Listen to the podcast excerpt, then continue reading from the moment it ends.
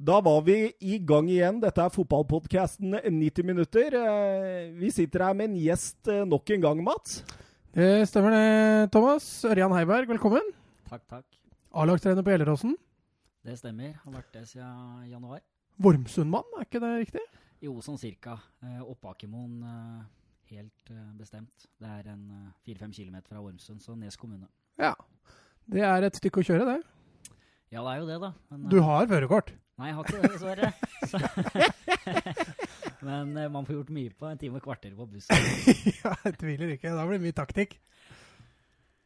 Ja, men det- åssen har det gått med Gjelleråsen eh, denne sesongen? Jeg har hatt en veldig bra fotballsesong. Eh, tredjeplass i Norsk Tippingligaen.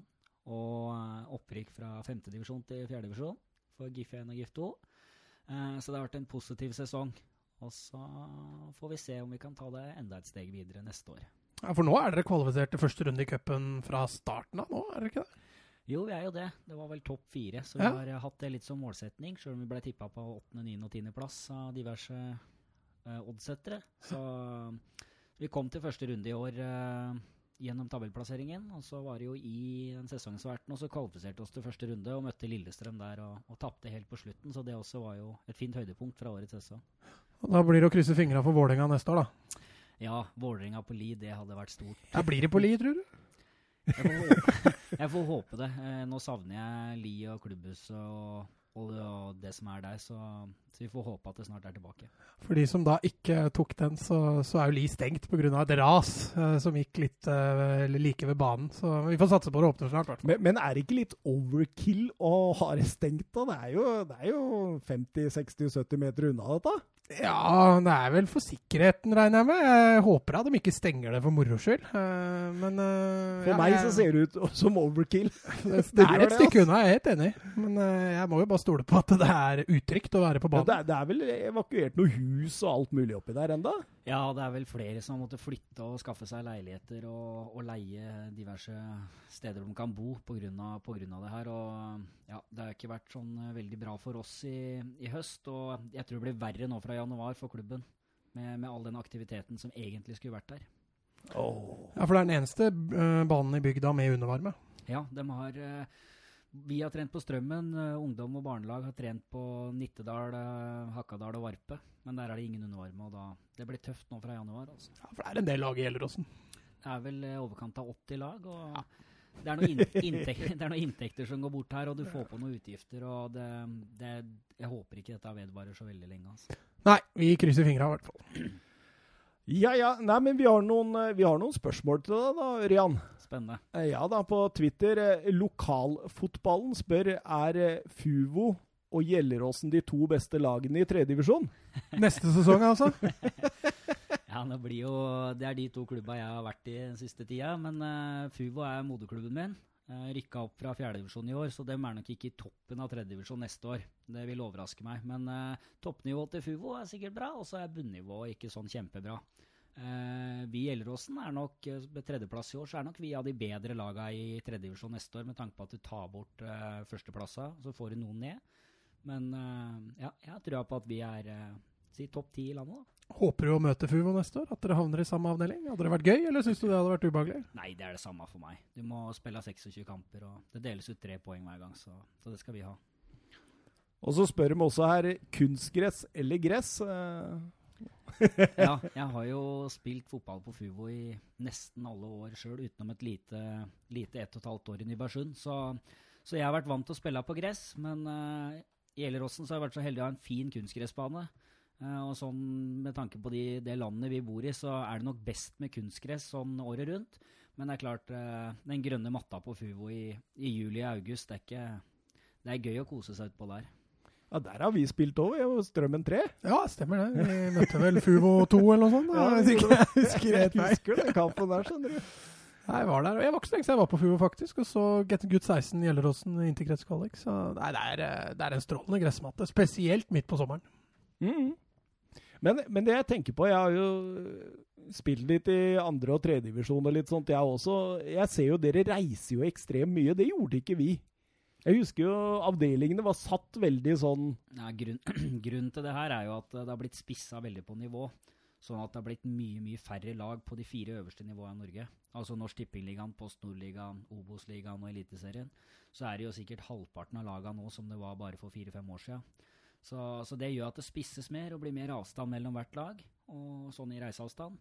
Og da er det ikke like lett å samle 14 lag til en avdeling bare på tre veikryss. Nei, ikke sant? Men, men man kunne jo gjort det i mye større grad enn det man har gjort. Ja, man Eller er det, tenker man da liksom nivå at, eh, at nivået er høyere i Oslo enn i andre Nei, steder? Er det det? dem- dette her går på reiseutgifter, tror jeg. Litt eh, sånn eh, fra år til år.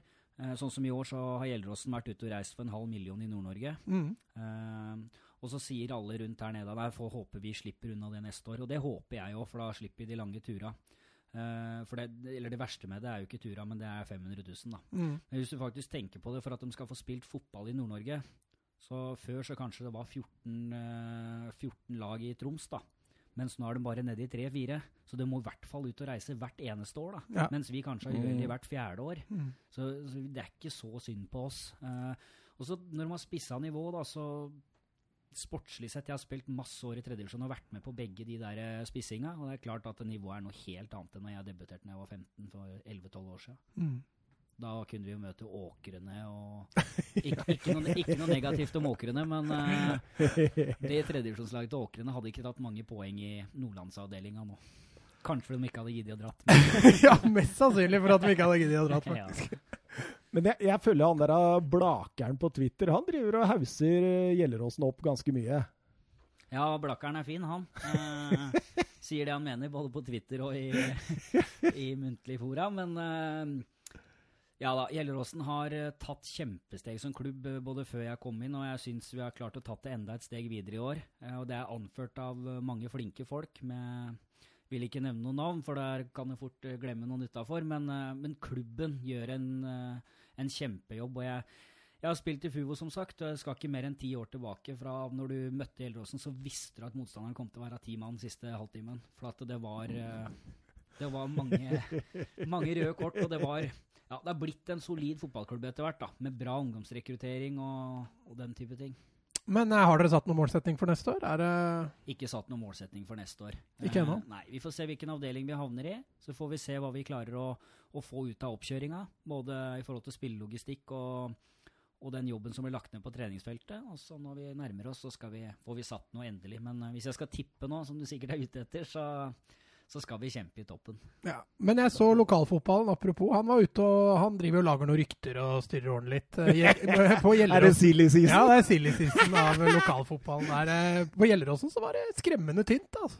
Ja, det er eh, Det var bare én på vei ut, sa jeg.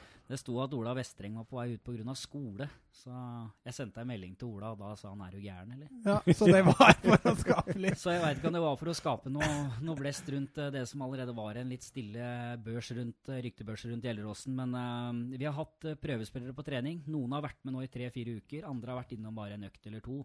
Så vi, vi kartlegger, men, uh, men jeg vil ikke ha ferdig stallen før jul. For det, da Ja. Det, det kan løsne litt fra både første og andre divisjon av gode fotballspillere i januar og februar som ikke har fått kontrakt. Mm. Lønner seg å være her på ballen. Ja, så vi, vi følger med i markedet, vi. og så har vi i tillegg masse egne, egne gode spillere som vi har fått masse tid til å se nå etter sesongslutt. Og det er mye spennende som kommer opp, også i Gjelleråsen. Jeg tviler ikke. Er det ikke sånn det at kommer inn en, er kommer inn en sånn jævla dyktig juniortrener i Gjelleråsen nå, skjønner du. Det har ikke jeg hørt. Har du ikke fått det med deg? Nei. Det er gode muligheter i Han er ikke noe, for å si det sånn. Det er der du har drivet og prøvd å få meg med på. Det stemmer, det. Ja, Jeg har ikke tid, vet du. Nei, nei, jeg hører du sier det. Eh, Sandra HJ, hun spør på Twitter eh, Ryan, eh, har, har du et mål om å trene i en eliteserieklubb en dag? Ja, det har jeg klare, klare mål om. Jeg har eh, høye ambisjoner med å være trener, så, så det må jeg si ja til. Hvilken klubb er drømmeklubben? Eh, Ikke, ikke si Fuo. Eliteserieklubb? Nei, Favorittlagene mine er eh, Liverpool, og så hadde jeg Lillestrøm. Men jeg har møtt andre lag der som mine har vært så mye irritert på den lagoppstillinga de har stilt. Så med Du har lagt dem litt for hat? Nei da, jeg håper Lillestrøm vinner på søndag, at de klarer seg. Så vi kan si Lillestrøm, da. Ja, da kan det hende det er Obos-ligaklubb du trener neste år, da, i så fall. Det burde være en ledig post der snart. synes Kan jeg, altså. hende det blir en ledig stilling. Da. Jeg skal legge til at jeg har ingen hast på å komme meg fra Gjelleråsen, for jeg har det veldig bra der. Og det, det har vært et riktig steg for meg. Jeg angrer ikke et sekund på at jeg, at jeg signerte det. Men du har jobb ved siden av? Nå ble. Raymond fornøyd, tror jeg. Jeg har ikke noe jobb ved siden av, så, så jeg går all in på det her, jeg. Så, men eh, ja. Men, eh, men eh, hun skriver det videre her. Er han som en ung fotballspiller? Drømmer om La Liga og Premier League etter hvert? Eller hva tenker du om det? Uansett så ønsker jeg deg lykke til videre i karrieren. Ja, men det var hyggelig. Eh, ta spørsmålet der, så er det Selvfølgelig har man lyst til å være Premier League, eh, Premier League manager en dag. Eh, eller La Liga. Men dit er det langt, og vi ser at det er svært få nordmenn som får til det. Det er egentlig ingen som gjør, med mindre man har skåra noen mål på overtid innimellom. Og, Han får det ikke til, han heller. og det, nei, jeg skal ikke si han fortjener egentlig ikke å være der, han heller. Så, så det er lite av de norske trenere som kommer helt dit. Men, så det er en veldig hårete målsetning. Men ja, jeg vil i hvert fall eh, opp og fram, og minimum Eliteserien, da. Jeg husker jo da jeg var ung, lovende fotballspiller og ble headhunta av Lillestrøm som sånn 14-15-åring og sånt. Jeg hadde jo et stort mål om Premier League. Det, det, det, altså det, og, og målet var så realistisk, det, det er en annen sak, men du må liksom Må drømme. Ja! Ja, men hvis du, ikke, Viktig, hvis du ikke har det der, så klarer du det i hvert fall ikke. Nei. Men hvis du har det, så er det ikke sikkert du klarer det, men du, da tror jeg du, sjansen øker i hvert fall. Hvis du ånder og lever for det at du faktisk vil dit en dag. Jeg tror det, altså. Men du blei jo kåra av VG nå til en av de mest talentfulle trenere, ble du ikke det? Hvis ikke jeg husker helt feil? Jo da, det var noe sånn topp ti-liste i landet, tror jeg, eller noe sånt. Så det var hyggelig, det. Bli Ja, for det var, ung, nei, var talentfull. altså unge trenere? Ja, i Norge, tror jeg. Mm. Så, så det er hyggelig å få litt omtale. Også, Det er gøy. Ja, det er absolutt. Eh, Men eh, ja, det er ikke noe hvile, hvile for det. Jo, nå kan du legge opp. Si seg fornøyd med en VG-artikkel, da. nå er du ferdig. Ja. Men, ha, men har du en Bielsa-kjeller, eller? Hva tenker du på? Nei, altså Bielsa han er jo sånn kjent for å gå ned i kjelleren sin der han har hele analysestudioet sitt, og så sitter han der til neste kamp omtrent. Ja, men jeg har en andre etasje hvor det er sånn. Ja, Det er litt mer lys der, kanskje. Ja, så det er Heiberg-loftet. Det stemmer, det. Så der har vi, der har vi alt vi trenger, så, så der blir det brukt mye tid, også. Det, Ja, men det er godt, det er godt, det. Nei, men skal vi bare sæla på? Vi har, eh, vi har runder i eh, Premier League, La Liga, Serie A og Bundesliga å gå gjennom. Ja. Vi må jo komme i gang. Så her er det bare å kjøre på.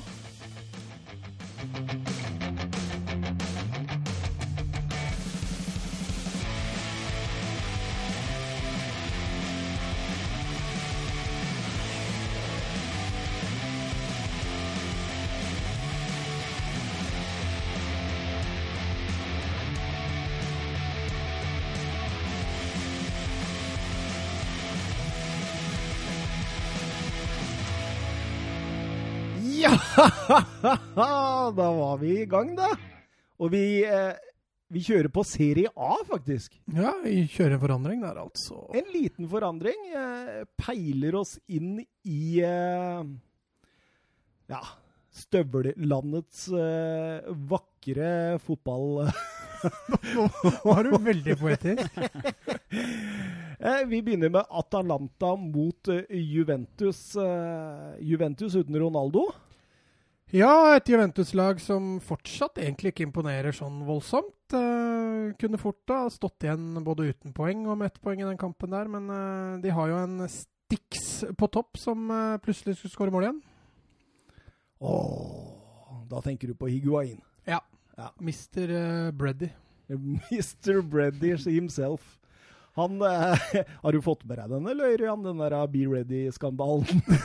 nei, det har jeg ikke hørt. Nei, Higuain, vet du, han, eh, han er jo mer omfangsrik enn de fleste, fleste fotballspillere, ikke sant? Mm. Jeg var i hvert fall. Jeg syns han ser bedre trent ut nå. Ja, jo, jo, han gjør kanskje det. Er ikke det. det litt til og fra, tror jeg, på både sommer- og vinteroppkjøringer og alt det? Jo, jeg tror det, men for, for Higuain så det er det vel ikke akkurat til og fra alltid. Det, men det som var funny, var under AC Milan-tida hans, så, så sto de og tok eh, et eh, lagbilde inne i et fly, tror jeg det var, etter en seier der. Og da, da sto han med en sånn pakke med sånn Nutella Be Ready-greier, som han sto og gjemte så at eh, Ikke skulle komme med på bildet. Men det gjorde det. Det gjorde det. Og derav uh, Be Ready, Sticks uh, og mange navn. Ja. Men han skårer to, da. Han skårer to. Han snur det, rett og slett. Han uh, gjorde det. Eh, etter at Robin Gaasens eh, ga Atalanta ledelsen 1-0 eh, ganske langt ute i kampen. Ja, Atalanta brenner jo et straffespark der òg. Eh, kunne jo kunne fort ha vært 2-0 til Atalanta når Juventus begynner å snu kampen her. Så jeg syns fortsatt Juventus ikke imponerer sånn voldsomt. Men litt sånn som med Liverpool, de vinner jo for det. Men det Mm. er jo Higuain skårer to, én assist. Og så tyter nok drakta litt ut foran, men uh, det er ikke så mange som bryr seg om det når han uh, har tre målpoeng og snur kampen der. Men uh, er ikke det litt Juventus av Mats? Jo, jeg er helt enig. Ikke Jeg- overprestere i hvert fall første halvår, men du leder serien, eller ligger i hvert fall i grenseland, og så knekker du på på slutten. Han, eh, han Sarri han eh, plukker poeng, men eh, det er som du sier, de imponerer ikke noe sånn voldsomt. Dybala får jo en overtidsskåring der, og han Men det er vel han som imponerer mest. Ja, utvilsomt. Jeg skulle til å dra fram det han drev med i går under Champions League-kampen mot Atletico, for det, det var Altså, det var øverste verdensklasse, altså. Så men det som er med Dybala, han, han er veldig ujevn, både internt i kamper, men også over tid. eh, Men, men Dybala på sitt beste er eh, fantastisk fotballspiller. Altså. Mm. Men, men det jeg tenker på når jeg så den kampen, da, så tenkte jeg at eh, her er det to grunner til at Juventus vinner over Atalanta. Den ene, det er Dybala, for han var helt fantastisk. Den andre, det er Mattis de Ligt. For han Han var strålende, han. han begynner å se ut som 700 millioner. Og når du har matchvinner foran og matchvinner bak i en jevn fotballkamp, så veldig ofte da, så går det bra. Ja, men uh, Delict har ikke vært på det nivået hele denne sesongen, han. Nei, det er nettopp det. Nå ser det ut som han er delikt fra Ajax-tida, faktisk. Den taklinga han har der uh, mot slutten, den er jo Det var riktignok i Atletico Madrid-matchen, men eh, det var punch, altså. Den så jeg, da lå han eh, to meter foran linja si. Så Ja. kunne ligge bedre i forkant, så han slapp å takle. Men, eh, men, men de likte, det er klart han I Nederland så var han veldig god. Og så blir det en overgang fra å gå og møte VV Venlo annenhver helg til å møte Lazio, Roma, Atalanta, disse lagene her. Så, så det, det tar nok litt tid, og det ser ut som det begynner å komme seg nå, for nå, nå, nå leverer han bra. altså.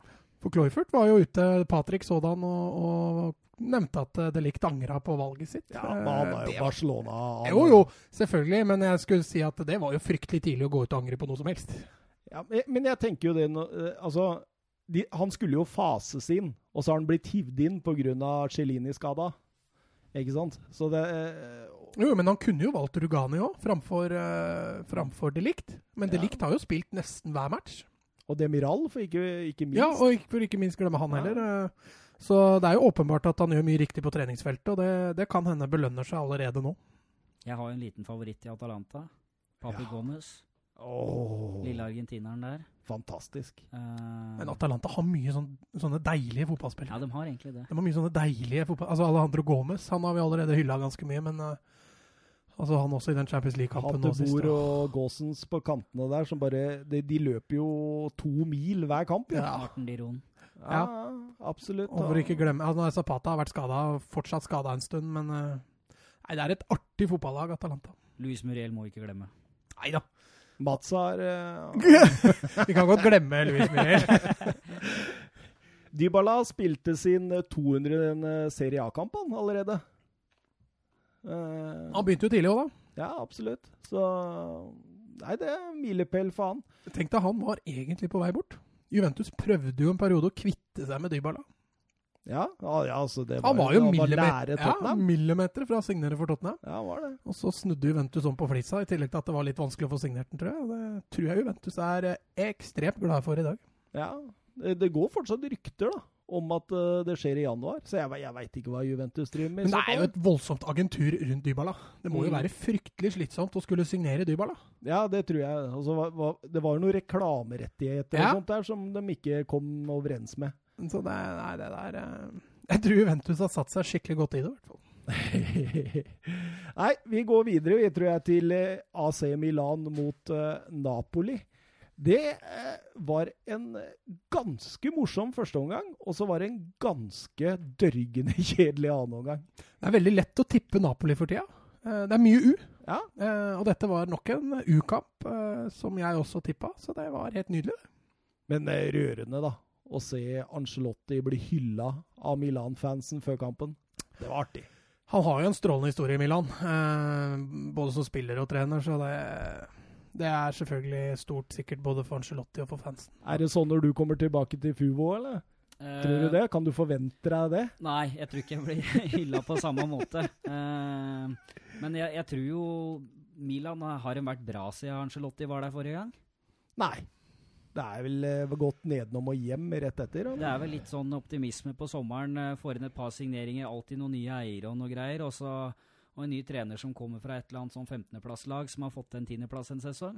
Og så går det rett vest, da. Jeg så en tweet, faktisk, fra en AC Milan-supporter etter denne kampen. Fordi eh, godeste Bonaventura var jo kanskje banens beste spiller. Ja, det er jeg enig i. Ja, og, og der Han skrev noe sånt som tre sportsdirektører, haugevis av millioner euro, og fortsatt er Bonaventura AC Milans beste spiller etter Donnaroma.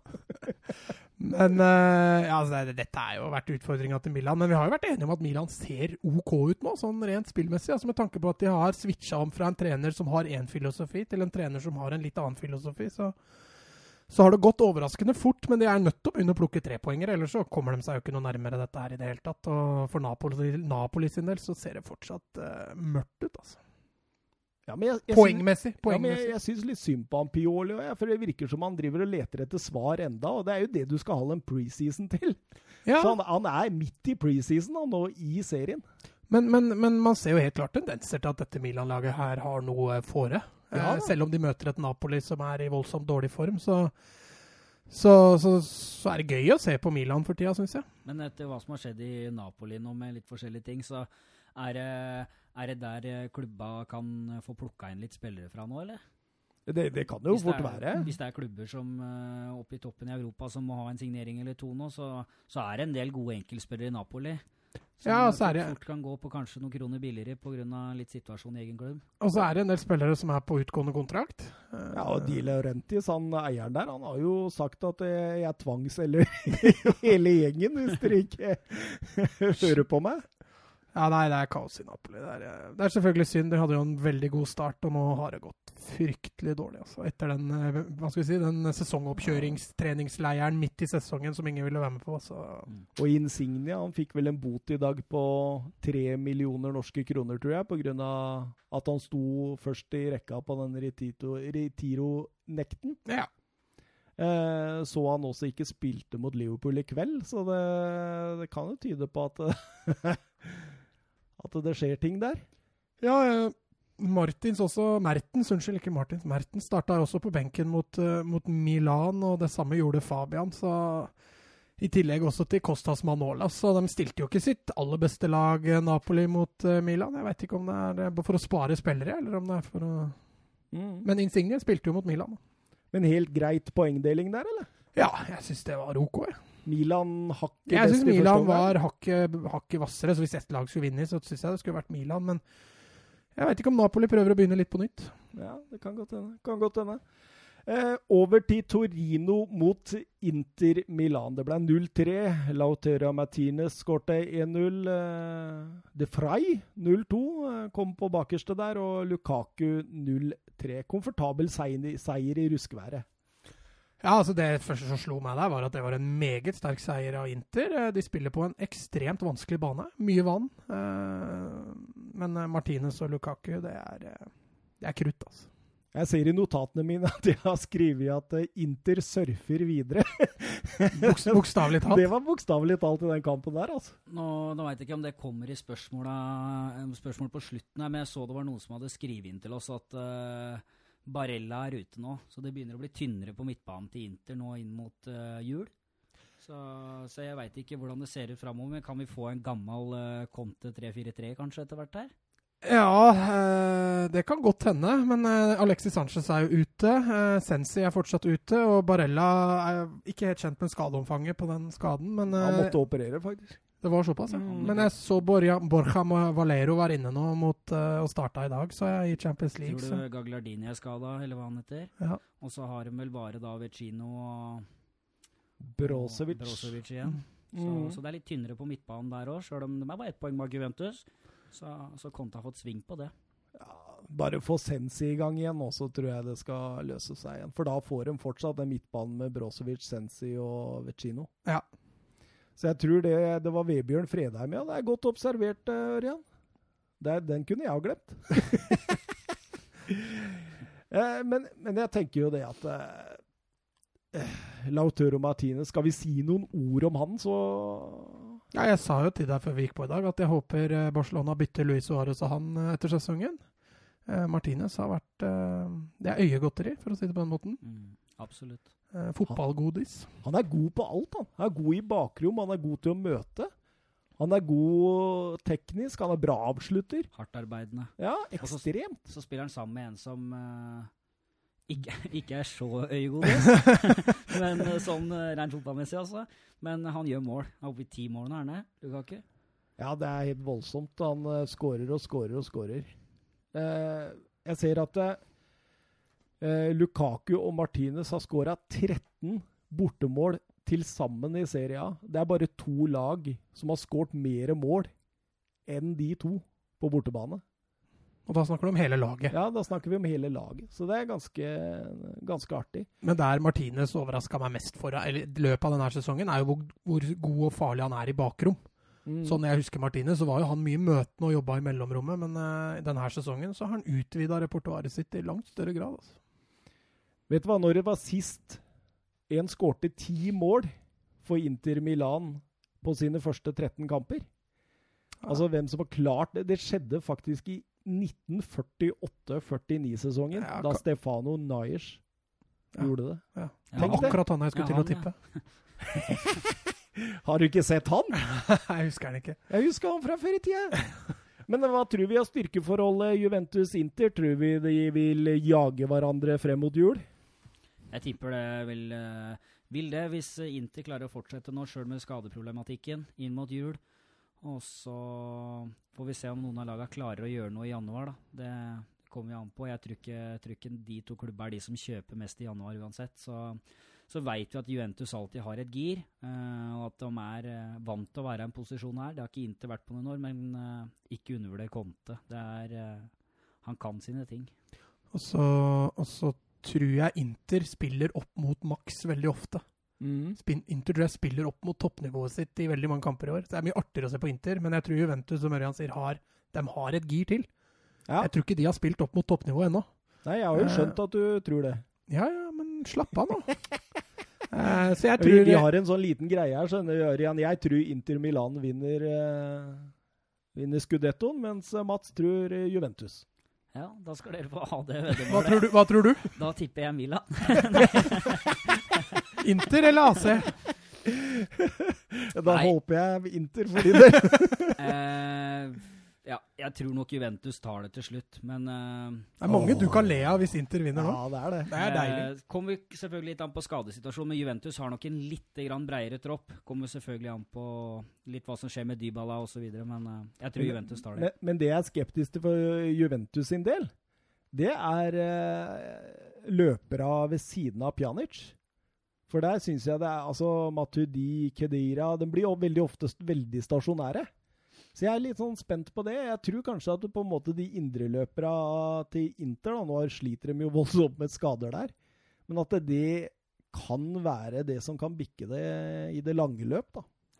Det kan, det kan hende, men det, det er klart det er en annen stor faktor her som peker negativt for, eh, kan peke negativt for Juventus, og det er eh, Champions League.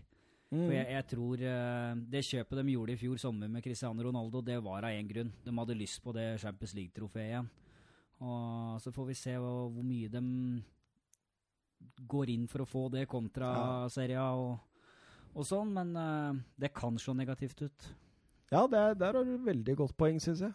Fordi uh, Spør du Juventus-ledelsen nå hva vil dere vinne, Serie A eller Champions League, så er vel svaret gitt. Ja, pluss at du sa jo at Juventus vinner Champions League og Inter vinner Scudettoen, så du, du var, jo, var jo kjempeglad du når det resonnementet der kom. Ja, altså jeg sa at Juventus var en av favorittene, sa jeg vel. Stemmer, Altså, stemmer. vi får se, vi får se. Roma Brescia, Chris Smalling-show. ja, må gjerne kalle det show. Han dukka i hvert fall opp med en god del målpoeng i den kampen der. En voldsom kjedelig førsteomgang. Og så var det tre dødballer i annen omgang. Og Chris Smalling han skårte første og assisterte de to neste.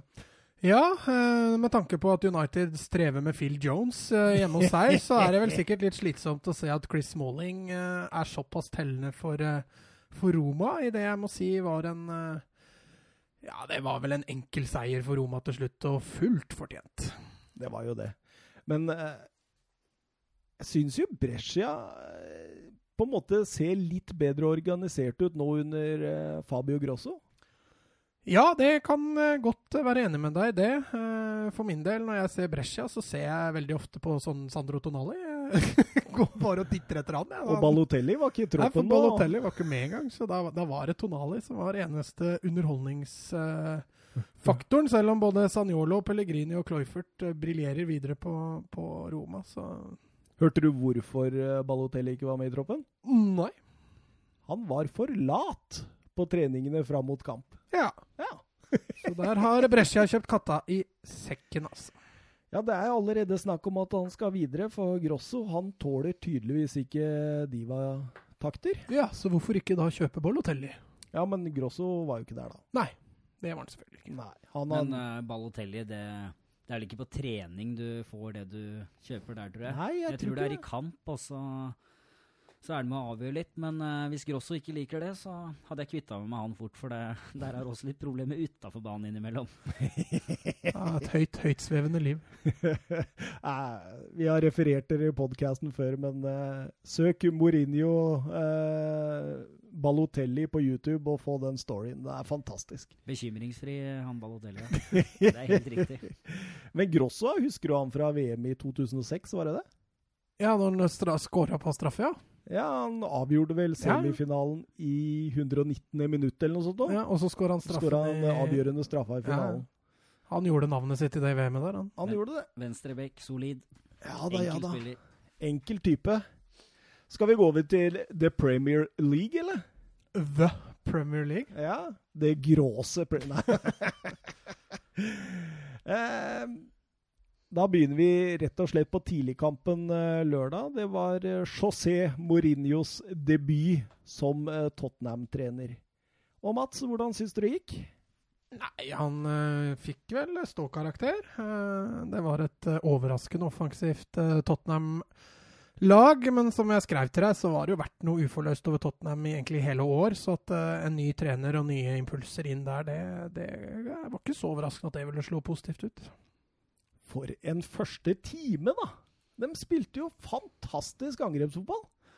Ja, og Dale Alli, han så ut som han Ja, så gjør han jo eh, som du sier, altså Det var ikke noe sånn grep i formasjonen hvis du ser på, tall, altså ser på tallene, men eh, altså Lucas Mora får sjansen fra start. Han har ikke fått spilt så mye i år. Dele Alli inn i en klar uh, tierrolle bak, uh, bak Harry Kane. Uh, Eric Dyer fikk plutselig lov å starte en fotballkamp, så han, han gjør jo noen grep. men, men det er som jeg sier, jeg tror mye av det var litt av det spillesuget de gutta nå tydeligvis fikk litt utløp for. Men det er jo, det er jo litt sånn Nå har Tottenham hatt lite endringer de siste to åra. Pila har pekt rett opp med Porcetino, Og så har vi sett i høst at pila gått nedover igjen.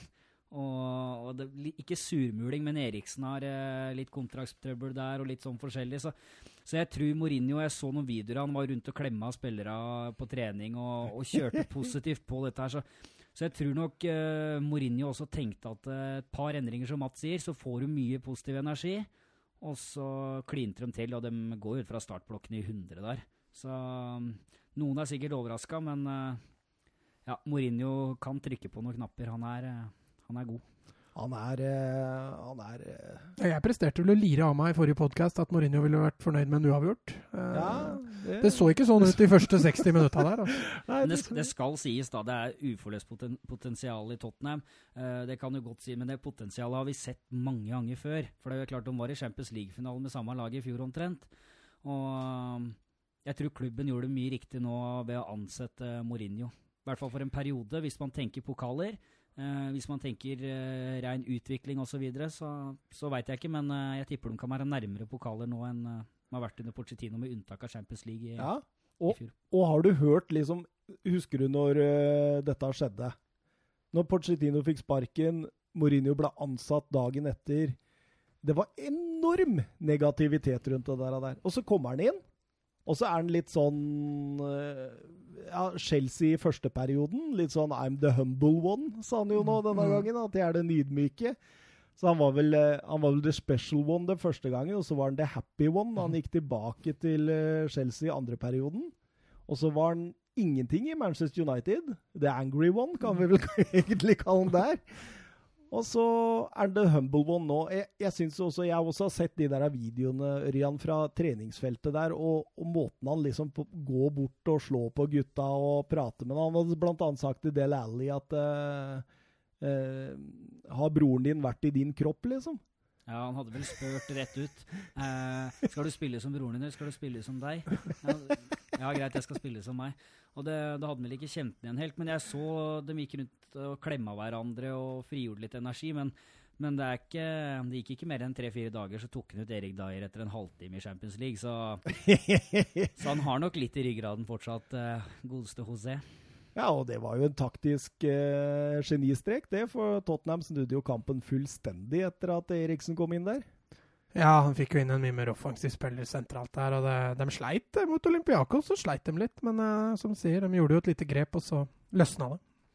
Men eh, du Ørjan, eh, Tottenhams slagord og noe som står sånn sterkt i klubbsjela til Tottenham, det er jo 'to dare is to do'. Audere est facere på latin. Eh, det er jo liksom veldig, veldig sånn Supportere står for det, klubbstyret har alltid stått for det. Kommer du som manager til Tottenham, så skal du underholde. Tror du Mourinho har fått de premissene? At det ikke parker bussen i stor grad? Kan nok være at de har prata litt om det. Men øh, veit ikke jeg hvordan de kommer til å gjøre det sånn rent øh, handlingsmessig i januar. For de har ikke handla så veldig mye de siste åra. Men, eh, men han har nok blitt lova noe av det. Og så må han sikkert gå litt på kompromiss med seg sjøl i forhold til underholdning. Men uh, jeg syns jo Tottenham de siste åra har vært bra. Men uh, hadde man spurt uh, rett ut vil du komme på femteplass og spille underholdende, eller vil du vinne serien et eller annet år? Så jeg tror jeg ville ha vunnet serien et eller annet år for å ha hatt et trofé, altså. Helt klart. Men Ikke at jeg sier at de går på akkord med, med egne ting, men at det er en liten middelvei for begge, kanskje. Men uh, hvor lenge signerte han kontra? 22-23? Ja, det var tre år. Ja. 22-23. Så det er jo helt greit, det. Han kommer til å vinne et eller annet, og så blir du med meg og sykler til Sandnes. Ja, for Solskjær blir sittende ut uh... Nei, det var det, da. Har du hørt det, eller, Jan? At uh, muligens jeg og Mats må sette oss på sykkelen herfra til Sandnes i sommer? Det har jeg ikke hørt. Hva Nei, går det altså, på? jeg, jeg dro jo en uh, tidlig i sesongen uh, hvor jeg sa rett ut at vet du hva, Solskjær han kommer ikke til å sitte ut denne sesongen. Eh, da sykler jeg til Sandnes. Eh, dette har jo blitt en sånn stor greie, og jeg, er jeg, det er en som har bestilt en United-trøye til meg, som jeg skal ha med på sykkelturen. Ja, for det er hvis, du, hvis han sitter ut sesongen Da sykler jeg. Ja, men da, Det er ikke noe vits å begynne å se på sykler engang, for han uh, ryker over nyttår her. Ja, det, det, det, det tror jeg òg. Ja. Men, men så kontra Mats meg, så sa han at eh, Vet du hva? Hvis Mourinho vinner en, eh, et trofé denne sesongen, så skal jeg sykle til Sandnes. Med tror- deg, da, sa han, men det kan jo bli uten meg. Jeg trodde han skulle sitte bakpå. jeg. Men tenk når Mourinho vinner FA-cupen. Ja, oh. han, han kan fort ta et sånt lite trofé. Han, det, eller lite trofé, han kan ta et av de andre typer trofeer. Så- Altså, de er jo ute av ligacupen.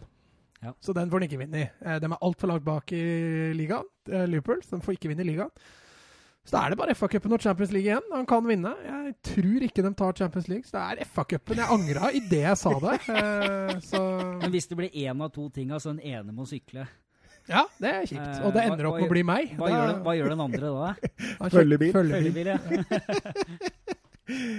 uh, vi har et par spørsmål angående denne kampen. Jørgen Nystuen han sier 'deilig'. Uh, antagelig at vi skal på lufta igjen.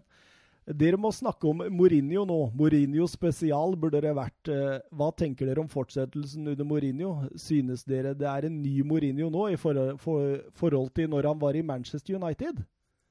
Syns ja, du det? Han fremstår annerledes, det, det gjør han jo. Men eh, spørsmålet er jo bare eh, hvor mye skal Mourinho spise av omgivelsene sine? Eh, for hvis han vil sitte, være lenger i en klubb enn en to-tre år, så må han jo forandre seg litt, grann, sånn han har vært eh, i tidligere jobber. Men at Jude Tottenham nå får en boost, det, det, er det nok ingen tvil om. Mm. Absolutt enig med deg der. Jeg tror, uh, tror vi ser en litt uh, ny Mourinho. Jeg tror han hadde godt av et års pause. jeg. Ja. Kommer tilbake og får tenkt seg litt om. Ja, da hadde man Jeg tror som manager-trener så er det greit å få, få litt på avstand innimellom. Han var sliten siste tida i United, så så det kan nok ha gjort godt. Og så får vi se etter hvert her når ting enten går positivt eller negativt, hvordan han behandler det videre. For uh, man glemmer jo ikke hvem han er, som jeg sa i stad. Så, så, han har nok litt inne på laget Mourinho hvis han må. Det er klart, det er klart. Petter S, syn, hvilke synlige grep gjorde Mourinho? Det var jo et helt nytt lag på banen. Western ble i bunn og grunn rundspilt. Ja, den blei det. Ja, eh, Nei, Den kan du få ta, faktisk. Ja, altså De grepa han gjorde, det var enkelt og greit. Altså Det var veldig enkelt. Det var at han satte inn Dyer i midtbanerollen istedenfor Sissoko for å få mer balanse. Han er veldig opptatt av den balansen der, og der er jo Dyer. Han går jo ikke over midtbanen omtrent, hvis du ikke jager han. Så få den spilleren der. Winks fikk litt mer friheter rundt, uh, rundt Erik Dyer. Og så gjorde han en ting. Han satt de fire mest målfarlige spillerne sine på banen samtidig. Ally, Lucas, Son og Kane. Og da Han visste det ville komme mål. Så da var det om å gjøre å holde tett bakover, da. Og det blei jo egentlig aldri Du satt ikke akkurat der og på nåler, egentlig. Fordi du følte at dette er full kontroll hele veien. Ja, altså bør jo nevnes, syns jeg, da, at Westham er i forferdelig form for tida. Det var syltynt, det Westham viste i, i 60 minutter, der. 70 minutter. Det var uh... Nei, det Jeg har snakka litt om hvilken trener som får sparken først, og Pellegrini nærmer seg det stupet, altså. Jeg tror jeg må legge til at uh, Westham var dårlig. Ny energi i Tottenham. Det viktigste grepet tror jeg var uh, litt nye fjes inn. Eh, ikke det samme av hvem det var, men litt nye fjes og litt nye stemmer. Også fire målskårere på banen, og så la du sammen dette, og da blei det en pakka det var. Jeg tror man kunne ha satt opp det laget, eller gått ut på forskjellige måter allikevel. Gått og gjort det så bra en time mot Westham, bare på energi omtrent. For jeg, ja. Det er noe uforløst som har vært i det siste, og det, det slapp ut nå. Og da er ikke Westham bedre enn at da ser de ordentlig dårlig ut. Harry Kane, han uh er nummer tre på toppskårerlista internt i Tottenham nå, med 175 mål. Det er uh, bare Jimmy Greaves og Bobby Smith som har uh, flere mål gjennom historien. Mm. Det, er vel, ja, det er vel rundt 90 mål opp til Jimmy Greaves, som er en stor legende i klubben. Så den tar han vel i løpet av et par år, da. Ja, han trenger vel et par-tre år, i hvert fall. 30 mål per sesong for å klare det på tre år. så... Kanskje fire år han trenger òg. Skårer jo mål i bøtter og spann for tida, og var vel uh, to mot uh, Olympiakos i går òg. Ja da. Og han er vel også den eneste spilleren som har uh, skåret i samtlige kvalikkamper for England uh, noensinne. Men det som var litt gøy med Harry Kane, i hvert fall Champions League-kampen, er jo det at det er litt sånn tapping goals igjen. Altså Han slipper ja. å drive og jobbe så fælt for disse måla sine. Den headinga han har der, da løper han jo inn i riktig rom, og den 2-1-skåringa eh, der er det jo ballgutten som får all kred for. Så. Men han, han, står på rett sted til rett tid. Og gjør det Ballgutten har fått jobb resten av livet, han tror jeg. For det, det, er så godt levert. og det er så det... Eh, ålreit å se Kane igjen med litt uh, gode gamle skåringer. Det er en luring, han, så, så de 90 måla kan komme fortere enn vi tror. Ja da, absolutt. Men, men det, der har du faktisk et godt poeng som jeg ikke har tenkt på. At altså, Harry Kane hadde for første gang denne sesongen nesa mot mål. Ja, Og inne i 16-meteren. Ja, det, det, det, er en vesentlig forskjell. Eh, det kan vi si til Petter S. Som en av de En av de tinga han har jobba med. Arsenal-Southampton, da. Sist uh, Southampton vant uh, på bortebane mot Arsenal, det var ikke etter millenniumsskiftet. Nei, det var ikke etter 90-tallet. Vi må helt tilbake til 80-tallet der, altså. ja, altså. 1987 da Danny Wallace skårte kampens eneste mål på Highbury Eh, men, Nevnes at Southampton har ikke vært i Premier League alle de åra heller, da. Nei, men mange år. Det er jo ikke noe lag som har vært lenge ned. Nei da. Men eh, for all del, de kunne fort ha vunnet på lørdagen. Altså. Men Emery fortsetter i 3-4-1-2, eh, noe vi har snakka om i denne podkasten tidligere. At de får jo kjøpet av Nicolas Pepe til å se ekstremt dumt ut. Ja, men han har jo ikke fått det til å funke i den andre formasjonen heller, så han driver og famler, kan vi si det? Altså, han er den eneste treneren jeg vet om på det nivået som ikke har en egen definert spillestil. Good men evening. Som, good evening. men, men, men, som faktisk uh, har en ny taktikk etter hver eneste motstander. Har du sett det? Spesielt. Det er, det er veldig spesielt.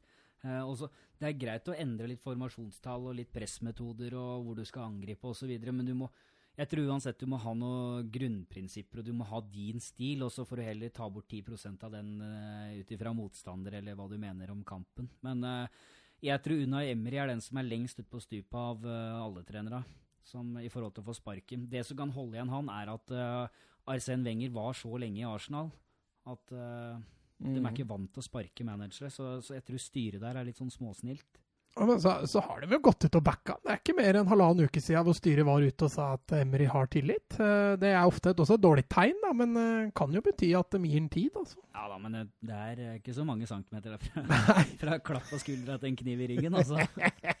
Eh, De, de på Arsenal TV i hvert fall, de, de backa han ikke. Nei. Hørte du intervjuet med han der eh, faren der som sa at sønnen min fylte ni år i dag, og bursdagsgaven jeg ga han, det var å ikke ta han med på fotballkamp og se Arsenal. Gratulerer med dagen der, altså.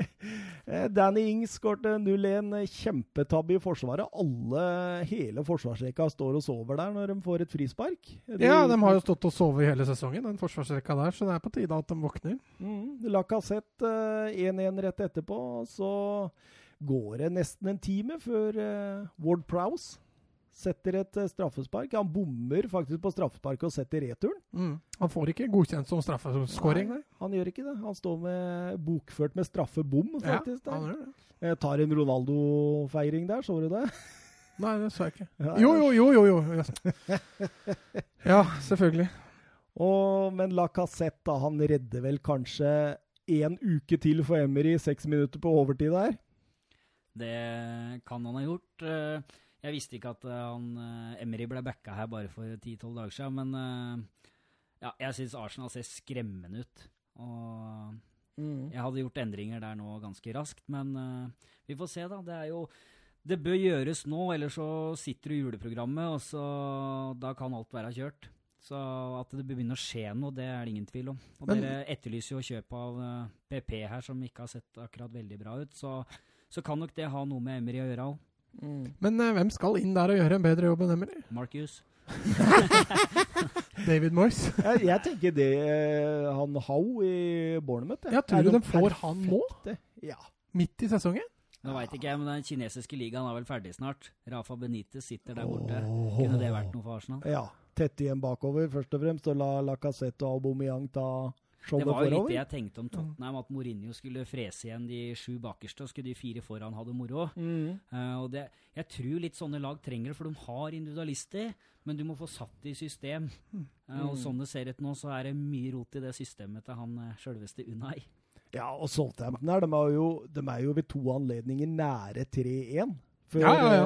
Ja, som jeg sier, altså, var, jeg følte nesten så 15 var nærmere seieren enn det Arsenal var. Og det tok jo seks minutter på overtid før Arsenal redda det poenget, så Men, men, men ser du nå, redder det poenget han la kassett der. Så han, han er litt flau for å juble, ser du det? At han er litt sånn, han veit nesten ikke hva altså, Hvis jeg jubler nå, så tenker fansen at jeg er fornøyd, men hvis jeg ikke gjør det, så tenker de jo at jeg ikke er glad for å skåre mål. Han er litt sånn avventende. jeg tror det er det han tenker. Ja, jeg tror det. Jeg tror han er litt sånn Hva skal jeg gjøre nå, liksom? Fordi uansett så vil fansen være ekstremt misfornøyd En tap-tap-situasjon der, altså. Ikke vits å skåre mål, egentlig. Hvorfor scora jeg nå? Ja, men Det er ligaens dårligste bortelag, liksom. Eh, Ligaens kanskje dårligste lag så langt i år. Mm. Ja, som, men som, som frem- er nære. Men var Arsenal så dårlig at Southampton fremsto bra, eller leverte Southampton en god kamp? Ja, altså, jeg syns at eh, Jeg syns faktisk det at eh, Arsenal gjør Southampton bra. Ja, jeg er faktisk enig. Jeg syns Arsenal var eh, skremmende dårlig. Brighton-Lester, da. Lester. Der snakker vi om en trener som har fått sving på det. Ja, det er det jo ingen tvil om. Eh, Nå, vi starta jo, starta jo podkasten her med å ikke snakke om Leicester. Nå har vi jo ikke noe valg. Nei, vi har ikke noe Eh, valg. Og det er fullt fortjent. De spiller eh, Til tross for at vi tippa dem høyt opp. Ja da. ja da. Eh, Ja, vi har dem på åttende. Vi har Everton foran dem, faktisk. Så de må, de må skjerpe seg. Men eh, jeg syns eh, Altså, Leicester spiller Spiller de egentlig den artigste fotballen sammen med, med City og Chelsea for tida? Ja, det syns jeg, da. Altså, altså, det er jo veldig basert på kontringsfotball, da. Jo da, for all del. Liksom. Men det er relasjoner hele veien der som er imponerende bra, hva han har fått til på såpass kort tid. Altså. Men hva tror du skjer med Leicester eh, den uh, 23. desember, boxing day eller et eller annet sånn rundt juletider der? Hvor Jamie Vardy går av med en strekk. Hva tror du skjer da? Ja, Da bytter han sikkert inn en annen en, da. Kanskje Kelachi eller et eller annet. Poenget mitt er at Jamie Wardy er helt essensiell for det laget. Ja, Og den taktikken de kjører nå. kontringsspiller nummer én kanskje i verden, så det, det er klart han er viktig for Leicester. Da, da får de en utfordring. Men det er eh, åtte baklengsmål på 13 kamper. Da vinner du fotballkamper. Eh, og ikke at man skal slippe inn lite mål alltid, at det skal være fokus, men eh, når jeg ser på at de har sluppet inn åtte mål på 13 etter at Maguire dro, så er det litt sånn Med Johnny Evans og Soyoncho på stoppeplass. Ja, Det, er, det er helt spinnvilt, egentlig. Og West Morgan i bakhånd. ja, det sier litt om et bra kollektiv. Og så lenge den kontringsfotballen fungerer, så, så ser Leicester bra ut, det. Men det, var de skada en måned her, så, så plukkes det ikke like jevnt. Altså. Det tror gjør ikke jeg. Men, men en Didi kan Ja. nevne han òg. Ja. For en spiller, altså. Kan det være en spiller som kan fort gå for eh, 400 millioner i januar? 400-500 millioner? Ja. Men mer, eller? Arsenal hadde hatt bruk for en Ndidi. De hadde hatt bruk for en Johnny Evans òg, de. En West Morgan nå. Ja, det. men, men det skal sies det at selv om Leicester vinner 2-0 her, så var Brighton helt klart med i store deler av kampen. Det var ikke noe overkjøring. Det er jo en, to kont en kontring og et straffespark, vel? Ja, eh, Brighton har, har jo mest ball i kampen, hvis det var det du skulle fram til. Men det er jo Altså, de har jo ingen skudd på mål. Eh, Jeg syns ikke Jeg syns Leicester vinner for så vidt greit. Eh, Men, men Brighton har jo for så vidt mest ball. Men jeg syns ikke de skaper noe sånn voldsomt mye store sjanser i løpet av matchen. Nei.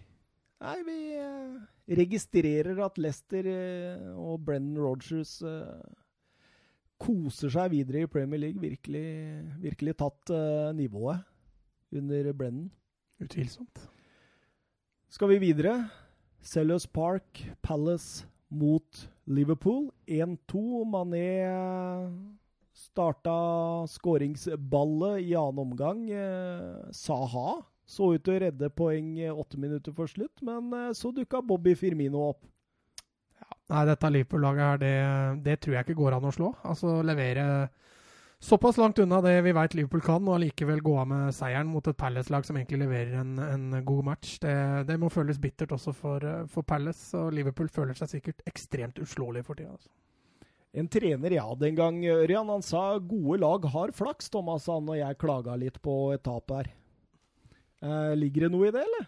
Ja, det tror jeg. Jeg er Liverpool-supporter sjøl, så jeg skal, ikke, jeg skal ikke si at de er verken veldig gode eller veldig dårlige. Men eh, det er klart at det, det Uslåelig er de ikke, men eh, hvis du ser VAR-avgjørelser, overtidsskåringer eh, Ja, alt som eh, har gått dems favør i år, så, så alt ligger jo til rette for at dette skal være sesongen de eh, kanskje får pokalen. Ja. I tillegg til at City kanskje har lyst på det, en annen pokal, og fokuset ligger der. Så, så det ser veldig bra ut for Liverpool, men eh, det har vært noen kamper nå hvor de har eh, kommet seg gjennom og vært heldige, altså. Men eh, Altså, Ja. Det var jo helt tilbake til tidlig i oktober. Vi fikk spørsmål med, på Twitter om har ikke Liverpool litt mye marginer nå. Mm. Og de har jo fortsatt ikke tapt et poeng, har de det? Ja, ikke i Premier League, nei. Nei. Ja, De har tapt to poeng mot United, Ja, ja. da, men, eh, De har vært eh, nesten feilfrie gjennom en hel sesong, med unntak av, av Champions League. Hvor Men de hver gang vi sitter her nå, så snakker vi om marginer. ja, for Liverpool, ja. Ja, Ja, men, men, det, det er ikke tilfeldig når Nei, det er jo ikke det. Firmino, Mané, Salah, disse gutta som avgjør på slutten. Det er jo ikke tilfeldig at det er dem som dukker opp og gjør disse måla her. Det, de trenger ikke like mange sjanser som mange andre spisser i, i Premier League, eller kantspillere. Så det, det er ikke tilfeldig, men det er klart eh, Det har vært mye marginer med nå, så jeg vet ikke om det stopper en liten periode, så kanskje det blir jevnt. Ja, det kan godt hende. De leda jo med sju poeng på City også omtrent på denne tida i sist sesong. Eh, men, men, Tomkins i mål i første omgang der, som blir eh, annullert av VAR. Den lille dytten av Ayu på Lobren. Altså, er det clear and obvious? Når du ser hva det er lov til ellers i feltet, liksom? Hva, den skjønte ikke jeg helt, fordi Lovren vil jo ikke rekke ballen heller. Nei, jeg er for så vidt enig med deg, eh, men jeg syns VAR har begynt å vingle litt på det der clear and obvious. Det har jeg vært innom før. Mhm. eh, hvordan ting i starten av sesongen var en veldig rød tråd over clear and obvious. For du måtte jo nesten brekke beinet for at det skulle være clear and obvious. Nå er det litt mer slingringsmonn på det. eh, litt mer slitsomt å forholde seg til. Jeg enig med deg. Jeg ble litt overraska når de gikk inn og annullerte den. Jeg så det at uh, de har kødda litt med Liverpool og VAR i det siste tida. De har jo lagd noen sånne eh, Det florerer litt på Twitter og sånn. sånn eh, VAR decision, whatever Liverpools wants. og det var også en sånn greie om at eh, den Son Gomez-situasjonen At eh, hvis, var, hvis Son var Liverpool-spiller der, så ville Gomez eh, gått ut med rødt kort for overspilling. De, de drar jo så langt de kan. ja, de gjør det. Men det skal sies faktisk Liverpool har uh, sluppet inn litt mål på dødball den siste tida. På Mm. korridorfrispark så setter de linja høyt. På defensive cornere så har de eh, bare sone. Og de er ganske naive og tenker kontring istedenfor det å bare fjerne ball. og ja, jeg, Det er ikke tilfeldig at det målet kommer på, på dødball, men uh, den dytten i ryggen det er minimalt. Så jeg, jeg var heldig når det skjedde. Eller jeg var glad. Ja, men, men, jeg tenker jo det at Loveren han ser jo at han ikke rekker den ballen. Og at hvis han nå faller når han kjenner den touchen, for det er jo en touch, altså han dytter den jo. Eh, så stuper han litt framover for å liksom Da er det en sjanse uansett, da, fordi den ballen skulle helst ikke over den. ikke sant? Mm. Men du ser jo, vet ikke om du så Real Madrid, eh, Real Madrid PSG i går? Ja. Det, det var situasjonen der òg. Mm. Der også ble jeg overraska når de gikk tilbake igjen. og det, det er- det som er litt slitsomt også med VAR, at eh, ja, du får retta opp i mye avgjørelser, men noen ting kan du sitte og klø deg huet over òg. Jeg tenker Saha òg, da. Wilfred Saha.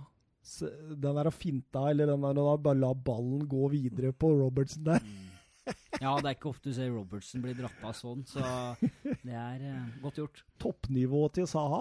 Ja, det er skyhøyt. Det Det er litt sånn Dybala ikke, Han er ikke lik spilletype som Dybala, men han minner litt fordi han varierer litt sånn. altså Fra det beste som er helt sinnssykt, til det dårlige som er Ja, eh, Bunnivået til Saha er også et spørsmål. For det er eh, Ja, han hadde ikke skåret på 1245 minutter når han gjorde dette. Nei, han har jo han har vel flest driblinger i Premier League hvert eneste år. Ja, han Så- Altså vellykka driblinger. Ja. Vellykka driblinger, og mye av det er bra, og mye blir cornerflagg. Så ja. Eh, Palace hadde 16 skudd eh, mot Liverpool-målet. Seks på mål. Det er flest av samtlige lag eh, denne sesongen. ja, mot Liverpool. Mm. Mhm. Eh, Liverpool er også unbeaten de 30 siste Premier League-kampene. 25 seier og 5 uavgjort. Det er bare Arsenal i 2004 og Chelsea i 2005 som har hatt en lengre run. Det er, det, Det er meget sterkt. Så det er jo det. da blir det topp fire, da. Ja, topp fire. Skal vi eh, rusle videre til Manchester City mot eh, Chelsea? Det var en fantastisk førsteomgang. Å, fy som jeg kosa meg.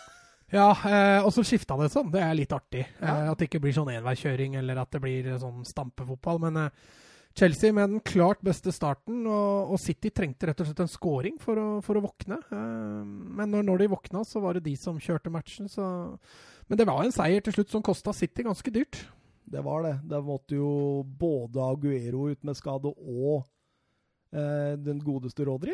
Ja, Rodri var jo tilbake igjen nå i Champions League, så jeg, men Silva satt på benken, og Aguero er vel mistenkt å være ute en stund, så kan ha kosta litt. Ja. Eh, 21 minutter eh, da Chelsea gjør 0-1. Eh, før det så har jo Abraham og Tomori hatt eh, store sjanser, men uh, Kovacic og Jorginho de kjører en liten vegg på midten der. og Kovacic, som vi har skrytt mye av den siste tida, han slår en nydelig ball i bakrommet på Kanté.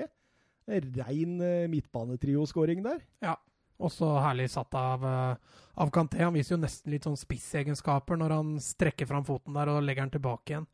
Eh, litt feilberegning av Ederson. Han burde lest situasjonen litt bedre, syns jeg. For han kunne fint ha blitt stående litt lengre bak. Eh, det blir en duell der. Eh, og når keeperen kommer ut, så, så har han ikke kontroll. Så, men fantastisk av Kanté. Altså. Han viser, viser jo goalgetter-egenskaper der. Kanté er en merkelig skrue.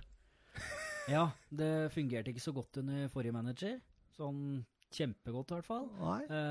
men, men Kanté er en av verdens beste midtbanespillere. En enorm løpmaskin, og han har skåra både mot Liverpool og mot City nå. Ja, det er helt utrolig. altså. Han, kanskje han har et lite sånn uh, offensiv midtbanegen i seg? Jeg vet ikke. vi stussa jo fælt. Der tror jeg nesten vi må bite litt i det sure eplet. Altså, for vi snakka jo om at Kanté burde skyves inn i midten, uh, som den dype. Ja, men, men, men, det var jo med uh, Jorginho i 4-2-3-1, men når du spiller 4-3-3 Du kan ikke ha Jorginho som indreløper, så da er jeg jo enig i at du må jo flytte han ut. Ja, men det største potensialet hans var vi enige om at lå sentralt. Ja, men det er det jo òg. Det er jo der han Jo, men han har jo imponert nå ganske mye som indreløper. Ja, men ikke i nærheten av som uh, sittende, sånn som han gjorde i Leicester. Nei, men altså det, altså det, han har prestert i siste kampen offensivt, har overraska meg ja, ganske mye. Ja, men det er fortsatt mye. ikke i nærheten av det han har gjort som sittende.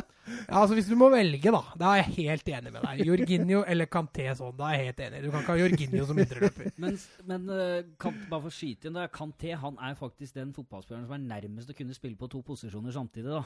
For han flytter beina såpass. Hva var det den vitsen var? Hvor mye av verden er dekket av hav, eller noe sånt? Det var lurespørsmål, for det var Kanté som dekte Avdekker voldsomt med rom. Han løper og løper. Han, han, han, er jo en sånn unikum av en spiller. Han er sånn, han klager nesten aldri på dommeren. Jeg så i dag eh, Jeg kom jo rett fra å se Valencia-Chelsea der. Og da han dommeren eh, Forferdelig dommer, egentlig. Hadde mange feil. Eh, den ene feilen han gjør, det er å gi Kanté gult kort på noe som ikke er frispark engang.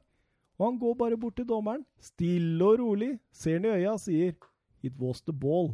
Og så går snuren, og så går tilbake igjen. liksom, han lager ikke noe stort oppstyr av det. Og de har jo snakka når han scorer òg, hvorfor feirer du ikke mer? Og så sier han at nei, det er litt pinlig, liksom. han vil ikke lage noe oppmerksomhet rundt seg.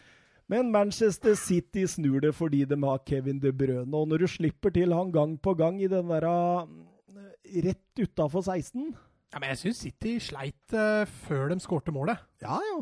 ja absolutt. Uh, men det skjedde et eller annet med City etter at de skårte det målet. Og mm. De Bruyne var selvfølgelig helt avgjørende for at City snur dette. altså. Og for et mål av Mares der. Ja.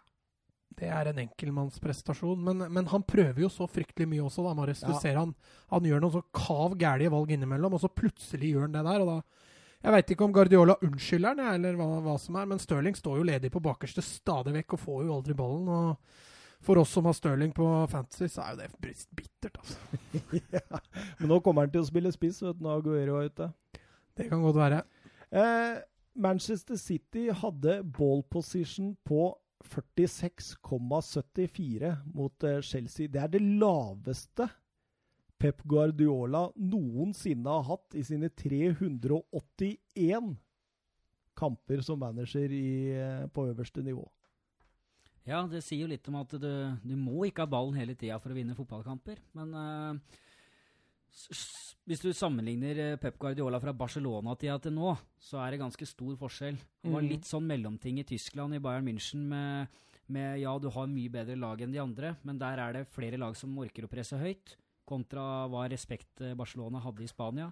Mens nå, i Premier League, så er det Hawaii og tut og kjør, da. og da da har du ikke like mye ball kontrollert, da. Så, men de vinner kamper, og det, det, er bra, det. Men jeg tror også det er, altså jeg tror ikke Guardiola sitter nå og er forbanna på at han ikke hadde mest ball, men jeg tror han eh, tenker litt over det, for han er jo et lag som ønsker å kontrollere possession i, i kampene. Ja, er, selv under City. Det er klart, og, og jeg, jeg, jeg syns jo han han er jo en possession-trener med gjennombrudd, så, ja, ja. så, så, så han, er, han, er, jo ekstremt flink. Men uh, Men uh, om det er at de ikke makter å ha ballen mer, eller om det, det skaffes gjennombrudd hurtigere, sånn at du slipper å ha ballen så over lengre perioder, det, det klarer ikke jeg å svare helt på. altså.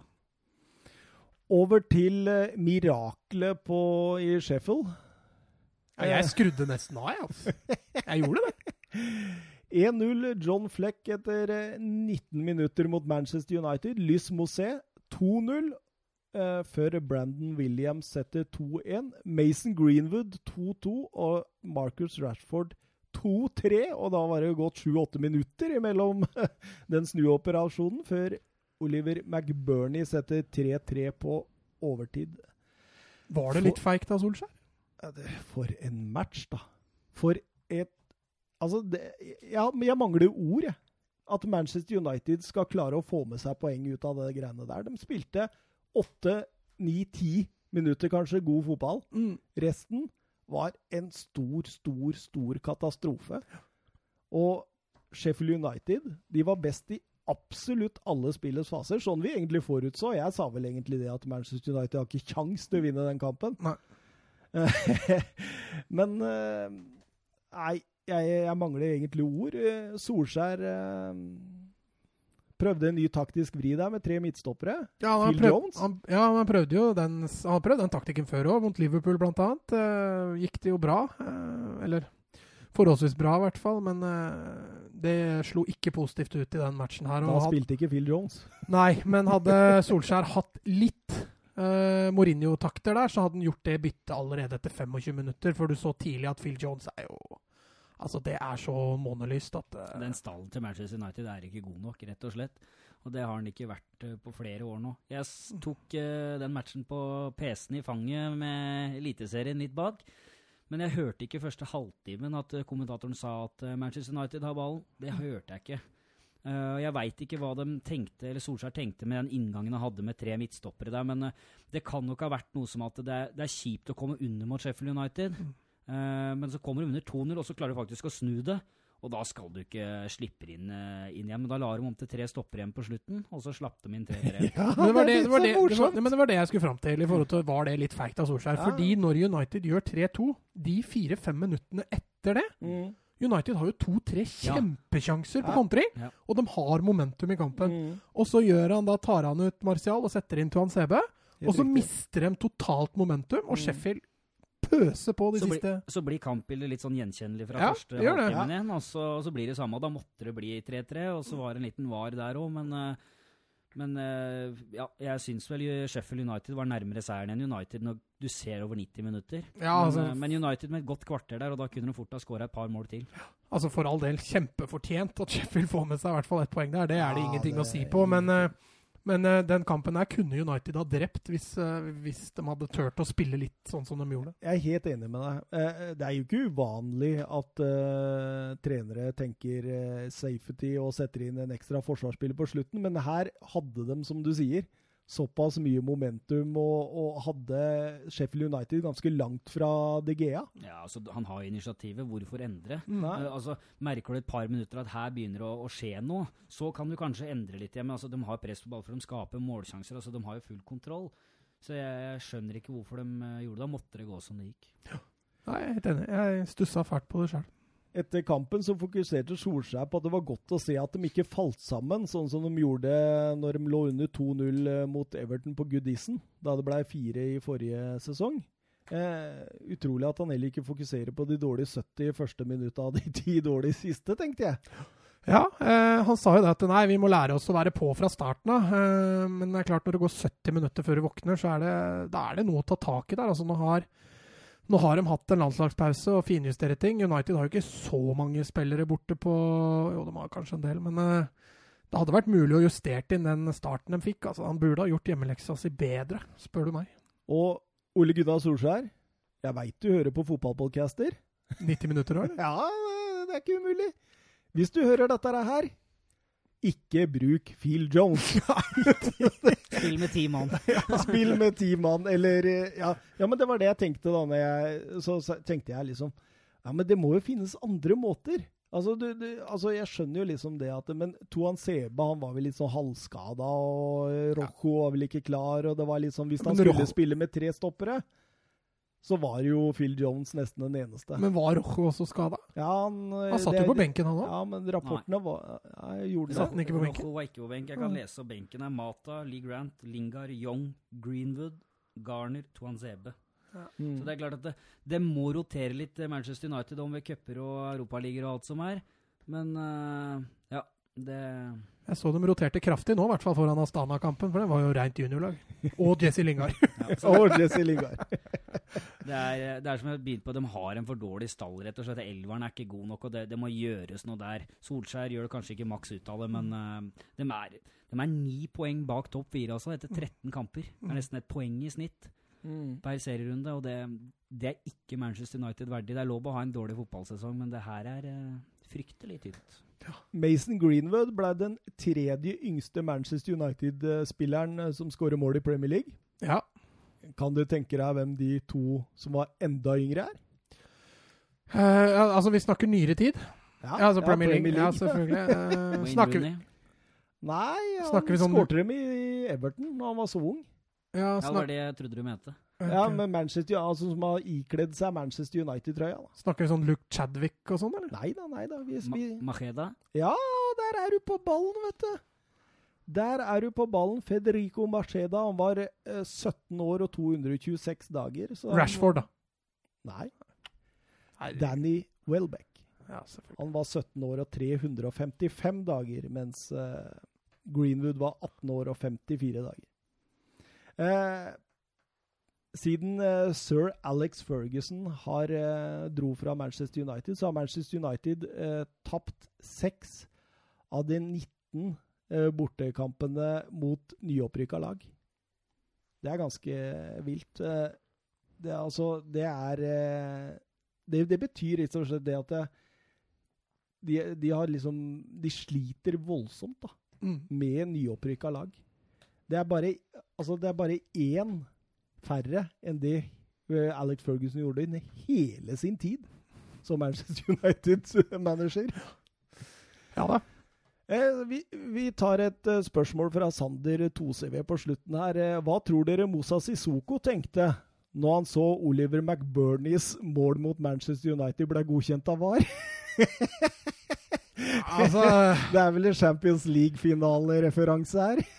eh, Ja, Det er lov å score med armhulen. Derfor Ja. må det være lov å ta ballen med armhulen innenfor 16-meteren òg. Men eh, Nei, altså, jeg tenkte jo litt Det er sånn typisk flyt som United hadde den matchen. Hvordan de snudde at den der blir annullert. Men eh, dommeren lot det gå, gitt. Eh, jeg vet, aner ikke hva Moussa Sissoko tenkte. jeg tror ikke han brøy seg så mye om det. Og så skal vi ta litt grann Everton, for det lova vi Jonathan Hobber og Gabriel Haaland. Eh, jeg veit ikke om disse er kompiser eller hva det er, ja, men Hobber skriver jeg synes dere skal for Gabriel Haaland sin skyld gi noen trøstende ord og forslag til løsninger for hva som skjer i Everton for tida. Marco Silva er ferdig snart, hvem bør ta over? Eh, Den har Gabriel Haaland likt. Og jeg snakka litt med Gabriel Haaland på Twitter sånn i forkant av eh, denne episoden, og han sa at eh, dere må snakke Everton, liksom. Dere må snakke hva skjer der nå? Han Jeg kommenterte vel på en tråd der han sa nå orker jeg ikke mer, når Mark Hughes ble aksert som neste trener. Eh, og da tenker vi, vi vi må sette Silva i perspektiv. Eh, han ble jo ansatt før 18-19-sesongen. Eh, brukte da vesentlig eh, pund-sedler på Rikarlison, Jeremina, Lucas Ding. Bernard kom på free transfer, og Kurt Zuma og Gomez inn på lån. Eh, mista vel ingen av betydning eh, den sesongen, og fikk en differanse på 70 millioner euro i minus, ifølge Transfermarkt. Eh, endte med åttendeplass. Eh, 54 poeng. 12 poeng opp til Manchester United, som lå på sjette, men eh, like langt opp til topp fire som til nedrykk, omtrent.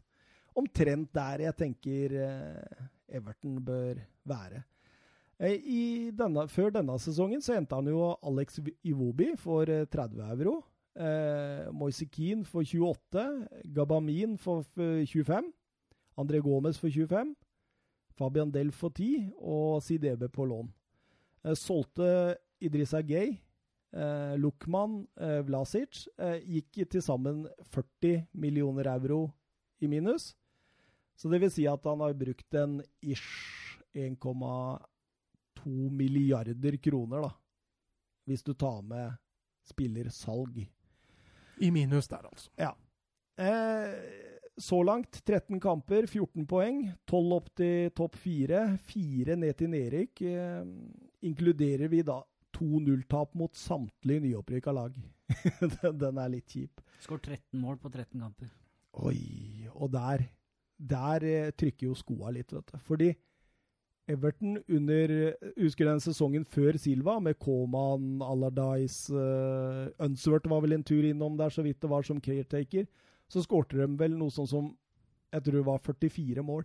Når Silva kom inn, så skårte de plutselig ti mål mer. Fordi han er jo en type offensiv trener. Men denne sesongen så har det jo kladda voldsomt offensivt, og det har kladda voldsomt defensivt. Det er nedtur. det, det høres ikke så ut. Men, men, men, så ser jeg altså økonomisk og ressursmessig Jeg gikk inn på en sånn eh, ja, hva kan du kalle det, Forbes-liste for Premier League. Så ser jeg jo det at Everton ligger som nummer seks i Premier League på nyere tall. Ja, altså De ligger et hav økonomisk bak Manchester United, City, Chelsea, Liverpool og Arsenal. Eh, det, det, er et hav bak. altså Det er, det, det er doble summer på disse lagene i forhold. Eh, de ligger rett bak Tottenham og rett foran Westham. Det er, skiller ikke mye, de tre lagene. Tottenham, Everton, eh, Westham. Eh, ganske mye bedre eh, høyere opp økonomisk enn lag som Leicester og, og Wolverhampton, for å nevne noen. Eh, så jeg, jeg, tenker jo forventningene må styres omtrent der, da. Tottenham, Westham. Nå er jo det eh, omtrent der vi skal ligge, tenker jeg en sjette, sjuende og åttendeplass på Everton. Det er der vi må forvente det. Så kan jeg tenke deg, altså Kjøpa til Silva har vært veldig variable. Rikarlison helt OK. Ding strålende. Men eh, ellers ikke voldsomt bra kjøp. Det er ingen som har slått sånn skikkelig gjennom, så man tenker på at oi, han kan bli solgt for enda større summer enn videre, i hvert fall. Eh, Gomez fikk jo dessverre en fryktelig skade. Han var jo brukbar i fjor, men har vært litt nedadgående i år. Ja, Dette er uh, årene Marcus. Nå blir Gabriel uh, lei seg her. Men så ser jeg også spillestilen. Han brukte jo mye 4-1-4-1 i høll. Uh, når han ikke klarte å holde laget. Men det var ikke hans skyld, faktisk. Han tok jo over et lag som allerede var rykka ned, mm. og, og, ga dem håp, faktisk. Mm. Uh, mye, mest 4-3-3 i Watford. Det er også hovedfilosofien hans. Men i Everton har han aldri spilt én av disse to typer formasjonene. Nei, det går mest i 4-2-3-1. Mm. 4-2-3-1. Men er det, jeg syns det går igjen litt i flere land, jeg, som vi snakka litt om Milan i stad. At man henter managere som har dårlig lag som blir tippa på 18., 19., 20.-plass, som får til en 10.-plass en sesong, og så skal de opp på disse 6., 7., og 8.-plasslagene, og så blir det en helt annen innstilling til fotballkampene, Du har en helt annen standing i hver kamp. Jeg veit ikke om det er et poeng, men det er klart uh, Han får ikke veldig godt til Everton, han uh, godeste Han hadde jo en OK sesong i fjor. Han blei ja. ja. det er det, det som er poenget mitt. Mm, det var greit. Men, men, så mister han jo Idrissa Ghana Gay, og mm. han mister Kurt Zuma. Det er to spillere som liksom på en måte ga dem den defensive tryggheten de ikke har lenger. Det, det snakka vi om i sommer, ja. at de må forsterke stopperplass. Mm. Det har de jo ikke gjort. Det har de ikke gjort. Er, I det hele tatt? Nei, altså Keane er jo flytta ut på benken nå, ser jeg, fordi han tenker det samme som oss, at du må ha fart inn der. Du må ha litt mer spillende stopper. Så Mason Holgate er jo inne der nå, mm. sammen med Mina. Jeg ville heller sett Mason Holgate sammen med Keane, ja, for jeg syns Mina er en eh, katastrofe. Det er en tikkende bombe. ja. uh, gå fra det fantastiske til uh, veldig dårlig. Litt sånn Erik Bay, egentlig. Ja, absolutt. Han er, han er helt uh, Vet du hvor mye han ble kjøpt for? Jeg husker ikke. Tri, 30 millioner euro. Det var billig. Der har Barcelona gjort et godt salg. Ja, men jeg husker jeg stussa litt på det, for Jeremina fikk jo aldri ordentlig sjansen i Barcelona. Eh, og så syns jeg Han hadde jo en OK første sesong sammen med Kurt Zuma. Mm. Men i år så ser man jo helt klart at uh, Barcelona har nok faktisk gjort et uh, helt greit salg der, altså. Men, men, så, men så, så, spør vi jo hvem vi burde bli den neste manageren. Jeg tenker jo det at det, når jeg ser på de bookmakernes favoritt, så ville jeg beholdt Marco Silva. og, så, så, og, så, sagt til han at eh, vet du hva, du får januarvinduet på å kjøpe deg en ålreit stopper og en ålreit sittende midtbanespiller. Har Everton penger til det? Og så Ja, de er, de er jo på sjetteplass i Premier League, som jeg sa til deg. okay. Og så tette de høla der, og så kjøre Dominic Calvert-Lewin og rendyrke han på topp. For han er god nok til å spille på topp der. Ja, så helt enig. Morse Keane har vist seg å være fryktelig. Eh, det, det, har vært så langt et skikkelig bomkjøp. Eh, Schenk Tosun har jo fått prøve seg litt nå i det siste. Skåra vel mot uh, Spurs, var det ikke det? Mm. Uh, men han har jo heller ikke bøtta inn mål, og det har ikke Calvert Lewin gjort heller. han fikk jo prøve seg mot Norwich nå. Han, ja. skjengte var en vansk Ja, han fikk spille hele matchen nå, hvis ikke jeg husker rett feil. Uh, men, men, jeg er helt enig. Calvert Lewin, ung, lovende. energisk spillestil kan være, kan være litt det de kan, bør satse på. Men Ørjan, hva, hva, tenker du som trener da, når både hjemmelaget og bortelaget synger 'Sacked in the Morning'? Jeg tipper de to managerne møttes etterpå over en øl. Hjemme hos en av dem. det er ikke, er ikke fare for det på Li, i hvert fall. Nei. Der er det ingen, det er ingen som synger det. Men den ølen på kvelden, den er det fare for. Men det er det sjukeste jeg har hørt. altså Når Norwich-fansen begynner å synge 'Sacked in the Morning', og Everton-fansen henger seg på, så hele stadion synger 'Sacked in the Morning'. Uh, bare for å nevne rundt Norwich, da. Er det den norske spilleren ute i fotball-Europa det blir snakka minst om? Mest undervurderte òg, eller? Mest undervurderte og den det ble prata minst om. Tetti? Ja, altså det var greit han var en tur nede i Championship i, i fjor, men han har da noen Premier League-kamper i beltene og har spilt litt rundt, så jeg syns han har fått for lite omtale. Han har alltid blitt tatt ut på landslaget, men det, ja, han har jo vært en viktig spiller i Norwich i flere år. Han. Etter han sa nei til landslaget, så har det blitt helt stille der. Ja, Han spiller i Premier League. Han er kaptein nå. Han er kaptein. Det er helt sjukt. Altså, altså, det, det, står jo ikke en liten boks på VG engang. Eh, Nei, Du må spille på landslaget for å få, for å få tid i VG. Ja, men ni saker om Haaland og Ødegaard, det kommer i hver eneste runde. Ja da, de fortjener det, de gutta, altså, men et ord til Tetti, det, det, det fortjener han. Det fortjener han, jeg er helt enig. Eh, forslag til trenere, da. Jeg hadde jo sett for meg Chris Wilder i, i Everton. Ja. Det, det, hadde vært den perfekte uh, treneren å ha der. Eh, gå for han. Hvis ikke Eddie Howe. Eddie Howe han er, han er faktisk Everton-supporter fra barndommen av. Dette må gå an å, å, å, løse i. Ja, Sa ikke du akkurat at Eddie Howe skulle til Arsenal? Jo da, men Eddie Howe kan, Han kan være begge steder. Han kan, til, han kan til mange lag. Eh, Rafa Benitez, Marcellino, to andre for å få strukturert opp det forsvaret litt. Mm. Eh, kunne vært noe. Må holde seg unna Moyes, Hughes, Unsworth, de der der, da tror jeg Everton fort kan havne på nedrykk. Gamleskolen, altså. Mm, Neville Southall der kunne vi dratt inn. Men er det noen av de der gamleskolegutta nå de siste åra som får til noe som helst? Ja, Steve Bruce.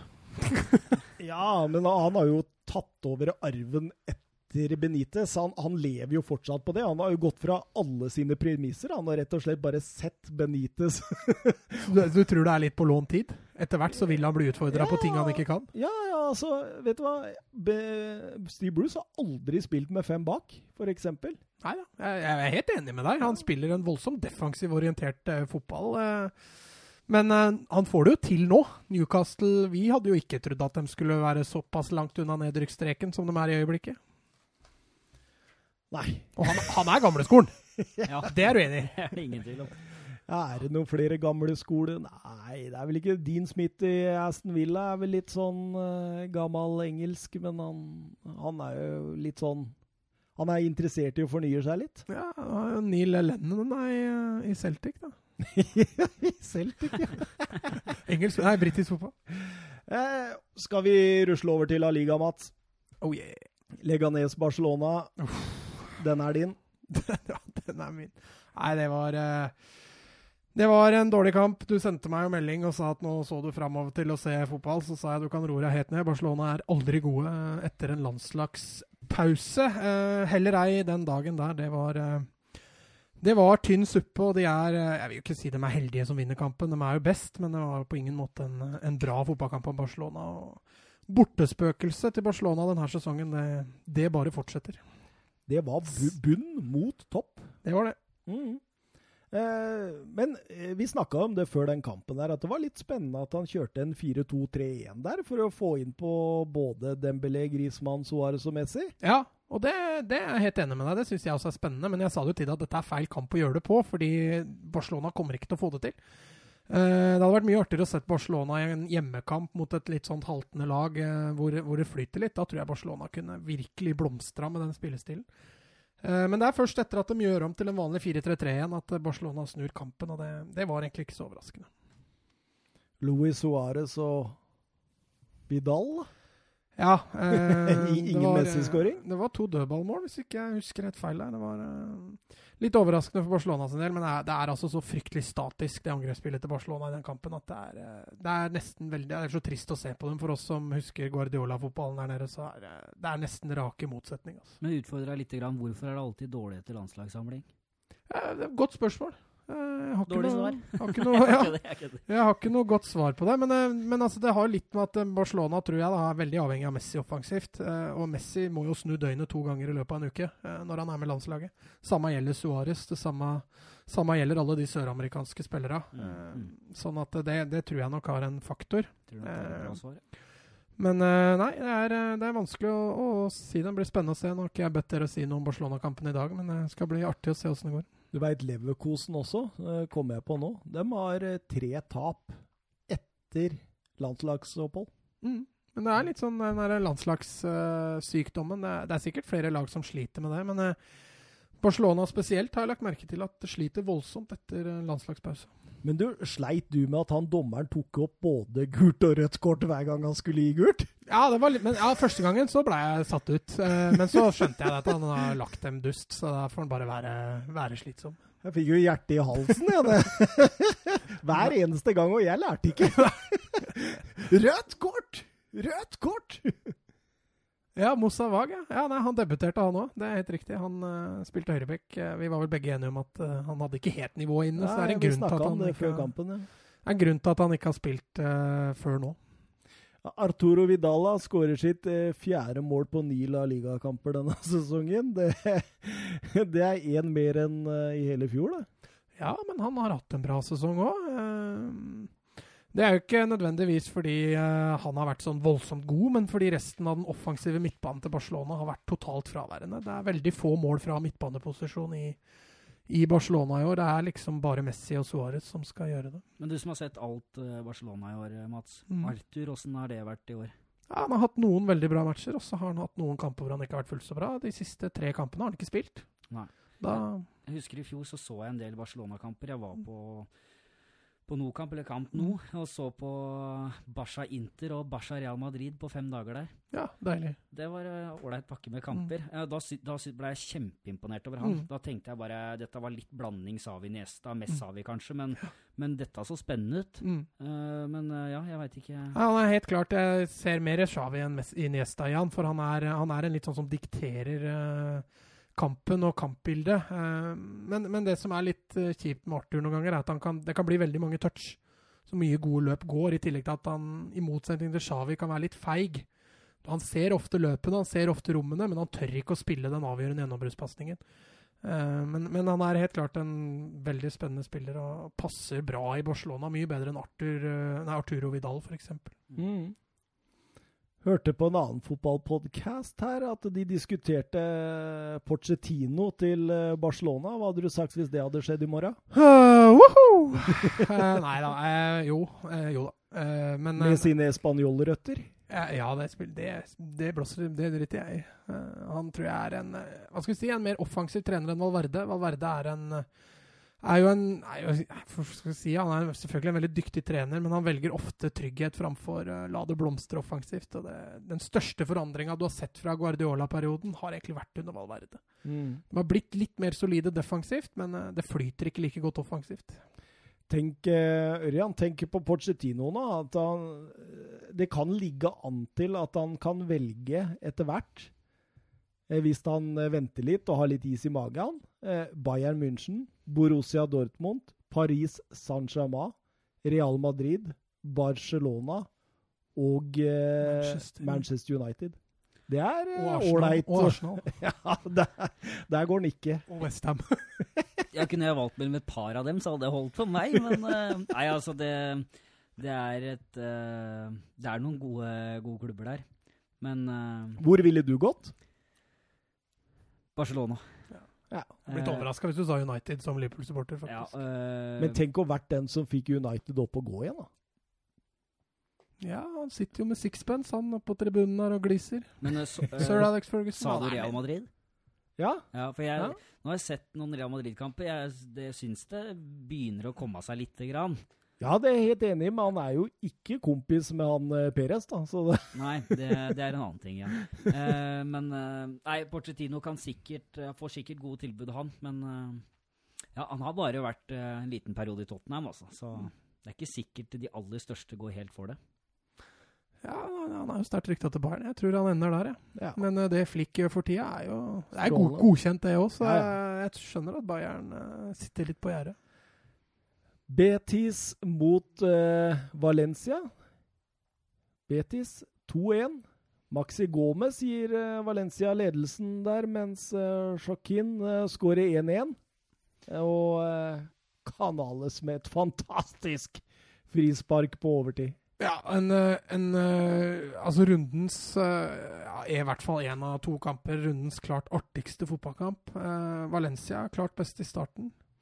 Betis tar fullstendig over etter at Valencia skårer mål, og det er den beste Betis-kampen eller beste Betis-fotballen jeg har sett under Rubi så langt i år. Ja, Så du Rubi smil? Gikk jo helt rundt. Ja, ja, ja. Den, eh, men når du skårer tre minutter på overtid der, så er det klart at da, da gliser du godt. Og Betis spiller eh, Altså Hvis dette skal være det vi skal se av Betis framover, så, så kommer de til å snu dette. Og så er det legenden Joaquin, da. Åh. 38 år.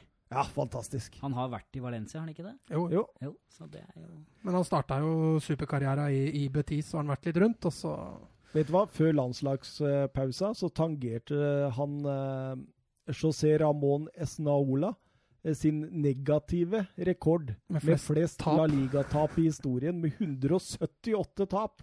Er det en rekord man vil ha? Nei, det er jo ikke det. Men, men, men så tenker jeg mot Valencia. Bare landslagsuke mellom. så skårer han et mål, og dermed bidrar til at eh, han blir den spilleren med flest La Liga-seire, hvis du ser bort fra spillere fra supertrioen Barcelona, Real Madrid og Atletico Madrid. Ja. Han debuterte for Betis 26. i 8. 2000. Hvor gamle var vi da? Jeg var 15. Jeg var åtte. Jeg var 20. ja, det, Nei, vet du hva, jeg husker Joaquin debuterte. Det, vi har jo snakka om det før, for vi det var diskutert om han spilte mot Norge i Ja, ja, ja, stemmer. Men var ikke det en litt kul Valencia-tida, med Joaquin, Vicente, Mata, Silva, Jo, jo. David Villa, Karev. Karev? Ja, nå krysser du litt generasjoner her, da, men, eh, men Canizares. eh, ja. Mendieta. Oh! David Albelda. Det var en eh, Baraja. god Å, for ikke glemme han stopperen. Ayala. Ayala. Ayala. Roberto Ayala. Oi. Eh, Jeg tenker, Nabil Fikir. Han skøyt ni ganger han, i løpet av den kampen. Ja, men han var voldsomt på. Eh, det, er, det er noe Betis trenger i, i sånne kamper. Han, han skusler bort mye, men eh, han er et tverrlengertreff ut uh, unna kanskje rundens Eller definitivt rundens mål, men også en kandidat til årets mål. Så han, han ville veldig mye i dag, og det, eller i dag, den dagen. Så jeg tror det er noe Betis må se mer fremover fra, fra Fikir. Altså en som drar opp tempo offensivt. Så han eh, leverte positivt, selv om han ikke traff blink. Granada mot Atletico Madrid 1-1. Renan Lodi eh, etter timen spilt, mens German Sanchez stanga inn en corner sju minutter etterpå. Du snakka om at du hadde litt eh, Ja, altså, stoff. Jeg har sett litt på Atletico Madrid i flere runder nå. Jeg har tenkt, jeg har snakka om det før òg, at uh, de gangene jeg virkelig har gått inn for å se på Atletico hvor skoen trykker litt, så, så har de spilt veldig bra. Uh, så tenkte jeg nå skal jeg slå sammen de notatene jeg har, og så finne, en, finne noe på det. Uh, Atletico Madrid, for å ta det positive først, da. De er jo fryktelig godt organiserte bakover, og har vært det stort sett i 60 minutter i veldig mange av kampene de har spilt. Eh, de har veldig gode avstander mellom ledd, og også innad i ledd. Eh, aggressiviteten til presset i Atletico Madrid defensivt er, eh, det er fantastisk. Altså, det er så aggressivt. Den flytter beina så rakende fort med en gang spillere kommer inn i i sine pressoner, spesielt da i det defensive. Eh, så det defensive er ikke så avgjørende for Atletico. Det er det offensive hvor skoen trykker mest. Eh, jeg snakka om det før, de trenger målskårere. Atletico har hatt en OK periode nå. Det er fordi Morata har skåret mål. Eh, nå de to-tre siste kampene så har ikke Morata skåra, og da, da, sliter Atletico mye mer med en gang. Og Atletico Madrid helt klart farligst når de kontrer etablert angrep for Atletico Madrid, det er, eh, det er nesten litt stusslig. Spesielt når man Det er Manchester United? Ja, altså, nei, det er ikke så ille. For det er, det er litt bevegelser og det er litt gjennombruddshissighet i det Atletico Madrid-laget. Men, men, eh, hva skal vi si, de lagene de møter, er flinke til å forsvare seg. Jeg tror ikke det er så mye hjemmelekse de behøver å gjøre for å, for å holde dem unna. Um, men, men, eh, Atletico Madrid mangler den målskåreren, og det gjorde de også i dag. I tillegg så jeg også, har jeg også lagt merke til de siste kampene at uh, Atletico Madrid der de vant 1-0 i fjor, der spiller de 1-1 i år. Og det kommer gjerne baklengsmål på slutten av kampene. Vi så det mot Valencia, vi så det mot Granada nå i dag. Vi så det også når de tapte mot Real Sociedad. Da fikk de riktignok også en tidlig goal, men også en sein en. Så Atletico Madrid Jeg kan si i sammenheng med at de er dårlig trent, men det, men det tror jeg ikke. Men eh, de, de, mangler den siste lille for å, for å vinne de 1-0-kampene som, som, de gjorde i fjor. Og, og mulig Simione begynner å bli litt lei, har vært der nå i snart ti år. og Så skal det selvfølgelig nevnes at de i den kampen mot Granada så spiller de med en forsvarsfirer som ikke var der i fjor. Renan Lodi var ny, Filipe var ny, eh, Mario Hermoso var ny, Kieran Trippier var ny. Og på midtbanen så var både Hector Herrera og Marco Llorente nye, som spiller med seks nye spillere. Tar vi med Alvaro Vorata, som kom i fjor vinter, så har de altså seks og en halv spiller som ikke var der i fjor. Sånn at, eh, at Simione har en jobb å gjøre i forhold til hva skal vi si, eh, det relasjonelle offensivt. Det har jeg full forståelse for, men nå ligger de altså eh, fem poeng bak, hvis ikke jeg husker helt feil. Real Madrid og Barcelona, og de er nødt til å begynne å få orden på det. For, er det ikke bare tre? Eh, 2-6, så skal jeg Nei, der lå det ikke. Jeg trodde jeg hadde det her. Tre poeng. Jo, tre poeng. Men hvis du da ser på antall kamper, så har jo Barcelona og Real Madrid én kamp Mer. Min, mindre spilt. Ja. Um, sånn at ett av de lagene kan altså stikke fra med, med seks poeng. Og Men hva var veddemålet vårt med Morata igjen? Ja, det var ikke 20 mål, da? Jo, du tror han skåret over 20, Ja, og men vi jeg sa under 20. Vi vedda ikke om noe. Hvor skal dere sykle nå? Ja. Han skal i hvert fall få lov å sykle Men- til Fuvo stadion hvis det Det verste av alt var det at han sa at han hadde gått med på ti, og der er han jo snart. Nei, han har bare fem La Liga-mål. Ja, men totalt. Ja, men det, vi snakka om Ja, La Liga-mål. ja. Men eh, du har en kjempebra gjennomgang, Mats. Og, uh, fine tall og, og det der. Eh, Simone var veldig tidlig ute med ekstrem kompakthet i forsvarsspillet sitt. Om det var høyt eller lavt, mye lavt. Eh, og det var også en grunnmur for det offensive. Den fikk kjempemange gode brudd. Kontringer. Du hadde Grismann som ordna mye. Du har hatt en del gode spisser opp igjennom osv. I tillegg så har du hatt noen sluggerstopp, f.eks. i Godin, som er borte nå. Og jeg tipper hvis man går inn og ser på antall dødballskåringer på tallene der, så har det gått ned. Mm. Det er helt riktig. Og så har de fått sluppet inn mål på dødball. Ja, og det, det er klart at det er ikke normalt for dem. Så, så det, det finnes nok av kamper de siste åra hvor Godin har skåra 1-0, eller Mm. vært en dødball og litt rusk i boksen, og så Ja, ja. 1-0, og så vinner de. Mens nå blir det 1-1. Det er ikke den sikkerheten i laget. Eh, og kanskje det begynner å gå litt på, på at det har blitt Ja, hva skal jeg si for noe? Simone har vært der lenge, og at det kanskje litt endringer ikke hadde gjort noe. Mm. Nei, jeg er for så vidt helt enig. Mulig de trenger en endring på, på trenersida. Vi snakka jo om det i omkjøring her, at nå har jo Atletico Madrid kjøpt mye gode offensive spillere også. Så at det kunne ha vært en liten forandring. Men eh, enn så lenge så, så henger jo Atletico Madrid godt med. Men det er ikke fordi de gjør det så fryktelig bra, det er jo fordi Barcelona og Real Madrid ikke har vært så bra som de pleier å være. Ja, altså Atletico Madrid har seks seire på 14 kamper. Ja. Da, da skal du ikke ligge tre poeng bak eh, i- Det er sju, Nei. sju avgjort. Ja, men så må du huske på at de, i likhet med Real Madrid, har faktisk bare tapt én fotballkamp i år. Så de, de sliter jo med å tape. Ja. Eh, men, men det blir for mye uavgjort, og det, det hemmer Atletico Madrid eh, ganske mye. fordi de kunne faktisk leda La Liga nå, fordi de er, eh, de er såpass nære. Mm. Noen få ord om uh, Valladolid mot Sevilla. Noen få ord før vi eh, går til hovedkampen. Ja, mange ord får jeg. Ja, få.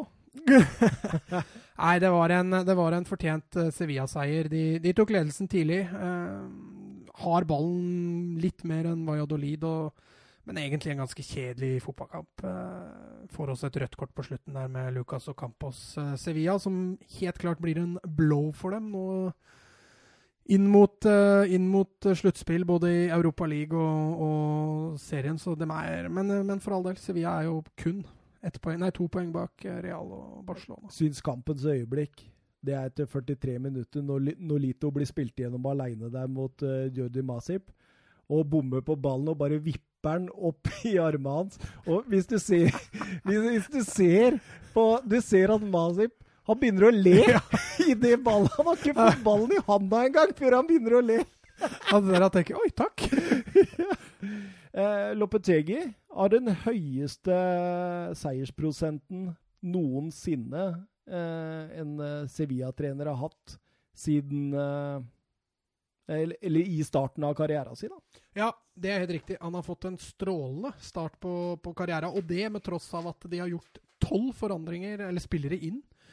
Så at Sevilla har fått en glimrende start, det, det er det jo ingen tvil om. Og de har riktignok ikke en all verdens god målforskjell, men de skårer jevnt og trutt, og de slipper inn De har sluppet inn en del mål. Altså, de har det. Mm. Hovedkampen vår Real Madrid mot Real Sociedad. Eh, Real Madrid har fått sving på det i det siste, som Ørjan eh, var inne på. Eh, eh har vel ikke sluppet inn mål etter den tafatte bortekampen de hadde på ferieøya Mallorca 19, var det 19. oktober, ja. ja. ja. Og uh, Courtois var på jakt etter rekord? Han var på jakt etter rekord. Eh, Sociedad litt mer ujevn den siste tida, men eh, om det var fordi Martin Ødegaard har vært skada eller ei, det vet vi foreløpig ikke. De siste 19 oppgjørene med lagene har endt med 15 Real Madrid-seiere, tre Real Sociedad-seiere, men to av de tre kom i fjorårssesongen, da de vant 3-1 på Anueta og 2-0 på Santiago Bernabeu. Real Madrid og Zidane ut i det vante 4-3-3, hvor Eden Hazard, eh, Benzema Rodrigo var fronttrioen, mens Valverde fikk fornya tillit som en av indreløperne. Immanuel Alguazil han uh, la opp til en slags 4-4-1-1 med Martin Ødegaard rundt William José, Merino og Subeldia som vanlig i midtbanekrigen. Ja, det tok ikke lange tida før vi fikk et mål. Nei, eh, Keylor Navas tok rekorden til eh, Nei, unnskyld. Eh, Courtois tok rekorden til Keylor Navas etter ett minutt. Og etter to minutter så, så var den rekorden satt. For da slapp han inn mål. Nei, det var jo selvfølgelig forferdelig spill av Ramos der. Har tydeligvis ikke helt oversikten på hvor, hvor José befinner seg, og litt for løst tilbakespill. Han Ramos begynner å bli en del personlige feil, han nå?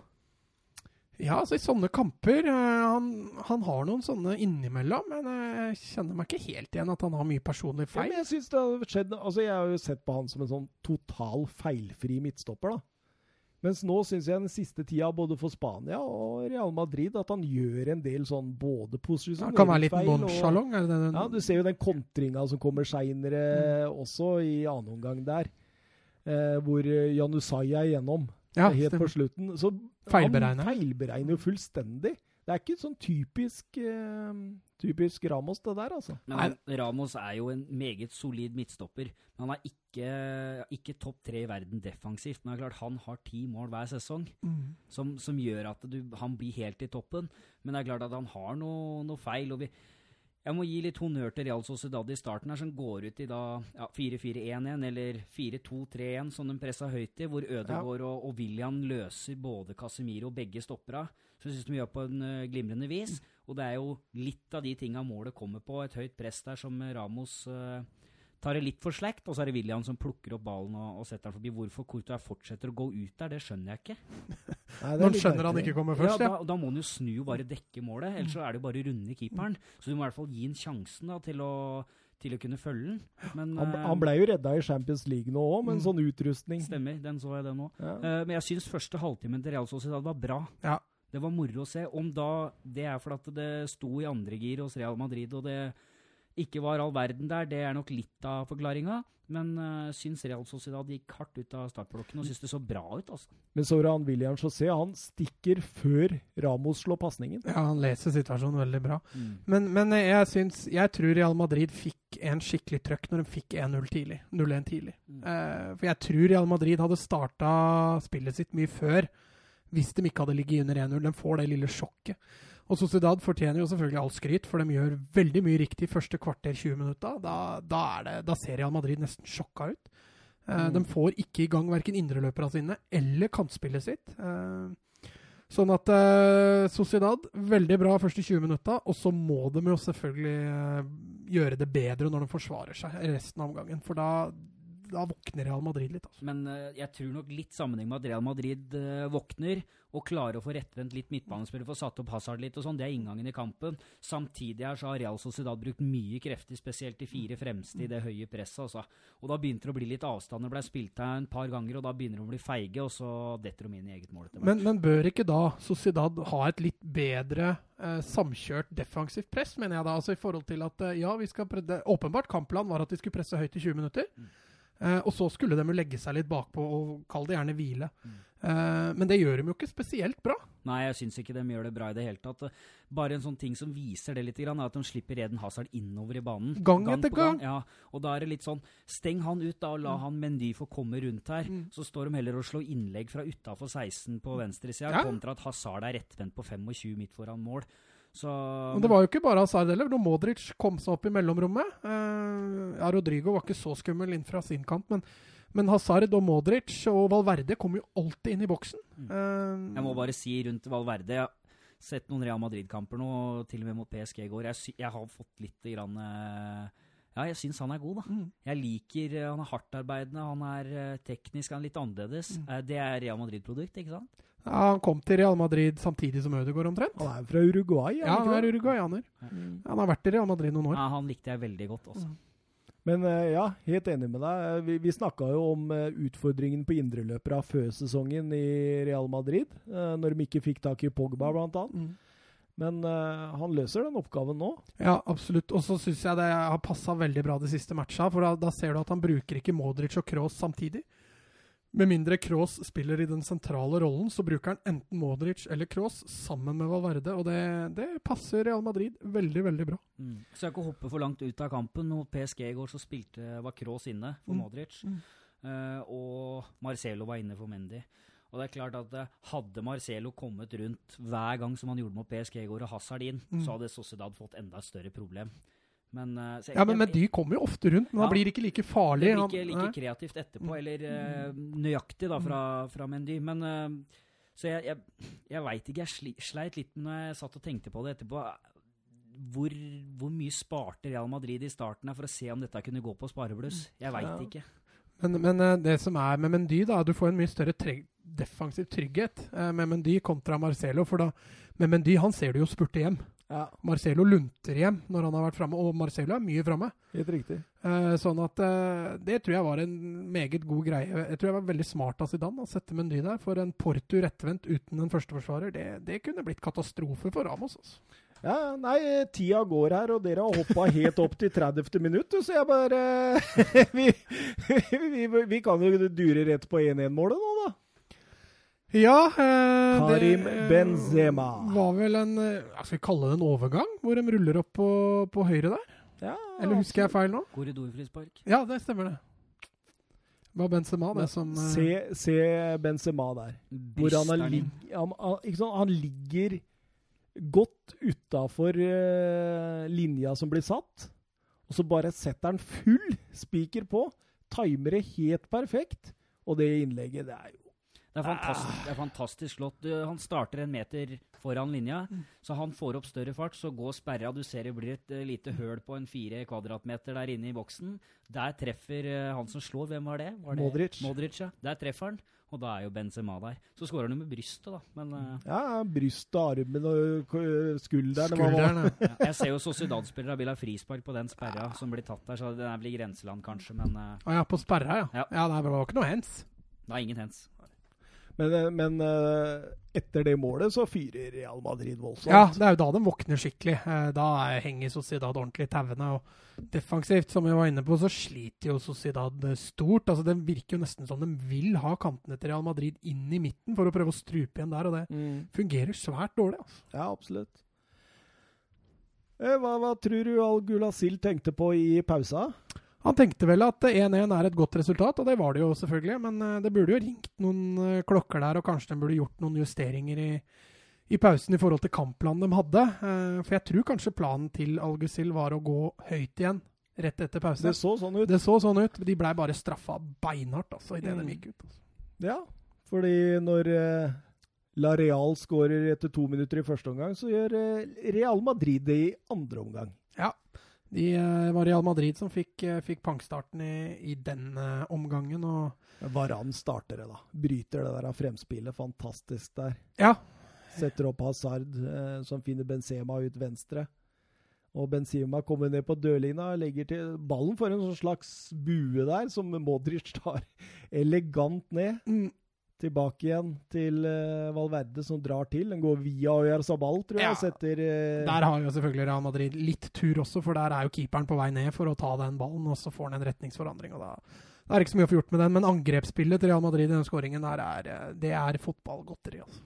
Det er fantastisk. Jeg syns Benzema var Altså, for, for, en, for en sesong Benzema Ja, han var god mot PSG i går Ja. så han, han er bra nå. Han er eh, vanvittig bra. Altså. Sett på han som egentlig en litt sånn smålat spiss, som er litt sånn Mm. Han kan komme igjen i august med litt samme higuain-magen. Mage. Ja. Og litt sånn småslekk og skal dukke opp når det er noen målsjanser. Det er det, men eh, nå syns jeg han begynner å bli hardtarbeidende og litt leder, og du ser han drar med Mm. gutta. og Det begynner å skli litt bedre framover for Real Madrid. Det jeg syns er litt synd, er jo å se Gareth Bale bli Ja, Bua på. kom, kommer vel dit, men, eh, men ja, nei, Benzema altså, så er han så skapende. Mm. Altså, Det er ikke bare den dukk-opp-greia han har lenger heller. Altså, Han skaper ting og setter både opp overtall og, og er god én mot én offensivt. Så han eh, Nei, Jeg syns Benzema denne sesongen har vært, noe, har vært det beste jeg noen gang har sett han. Martin Ødegaard, etter 60 minutter der, så får han jo en sjanse som han setter rett på Courtois. Litt Eh, svakt, bruker litt, altså. han Ja, bruker litt lang, tid. Eh, Så han får vel ikke helt treffet og har ikke helt oversikten, kanskje. Eh, Men når jeg så Ødegaard i den kampen, han gjør jo mye fint, Ja. men, men han mangler det der killerinstinktet, altså. Jeg skulle fram til det. Altså, han, han, det blir ikke noen store sjanser ut av det han driver med. Uh, han gjør mye bra, gjør mye riktig, men det resulterer ikke i det helt store sluttproduktet. Og det, det er litt ødeleggende. Hvis du går ett år tilbake i tid, så sleit han med å skaffe gjennombrudd i ledda til motstanderen Mm. i, eh, hos, altså når han spilte fotballkamper. Det syns jeg han har begynt å klare mot en del lag i La Liga. Mm. Men du ser når han møter Real Madrid, som det er bra struktur på både individuelt og lagmessig, og så skal han prøve det. Da, da oftere han tråkker på ball, da slår han hjem igjen. Mm. Og I tillegg så syns jeg Real Madrid til tider klarer å holde den litt feilvendt. Ikke at de har lagt opp noen kampplan rundt det, men at det er et lite øye der. Uh, blir mye på tvers og bakover fra, fra Ødegaard, men det er klart han er ballsikker og, og den type ting. Jeg, jeg tror liksom han sliter litt med å involvere seg, så han trekker litt lenger bakover, og da får han jo veldig ofte ballen feilvendt. Men, men han mangler litt eksplosjon, eksplosjonitet, sier man det? Ekspl Eksplosivitet. eksplosivitet. Ja. I altså, den akselerasjonen, da, eh, som gjør at når han, møter, når han rettvender seg, så har han ikke fart nok til å runde spillere som han ikke dribler, rett og slett. Men det, det ser ut som han er en spiller da, som altså, Nå tar jeg det litt sånn på ytterkant her, men altså at han tenker for mye, hvis du Mm. skjønner hva jeg mener. At vi, vi, altså de, de, beste indreløpere og offensive eh, midtbanespillere i verden, de gjør ting litt mer på instinkt. Mm. Mens eh, det ser ut som det, han går liksom sånn som f.eks. ved det skuddet etter 60 minutter der. Så ser det ut som han tenker litt før hva han skal gjøre, og da får han jo det Modric oppi seg med en gang. Ja. Jeg tror det går litt på at uh, Sett utenfra, så den verktøykassa hans, den er Den Hva skal jeg si for noe?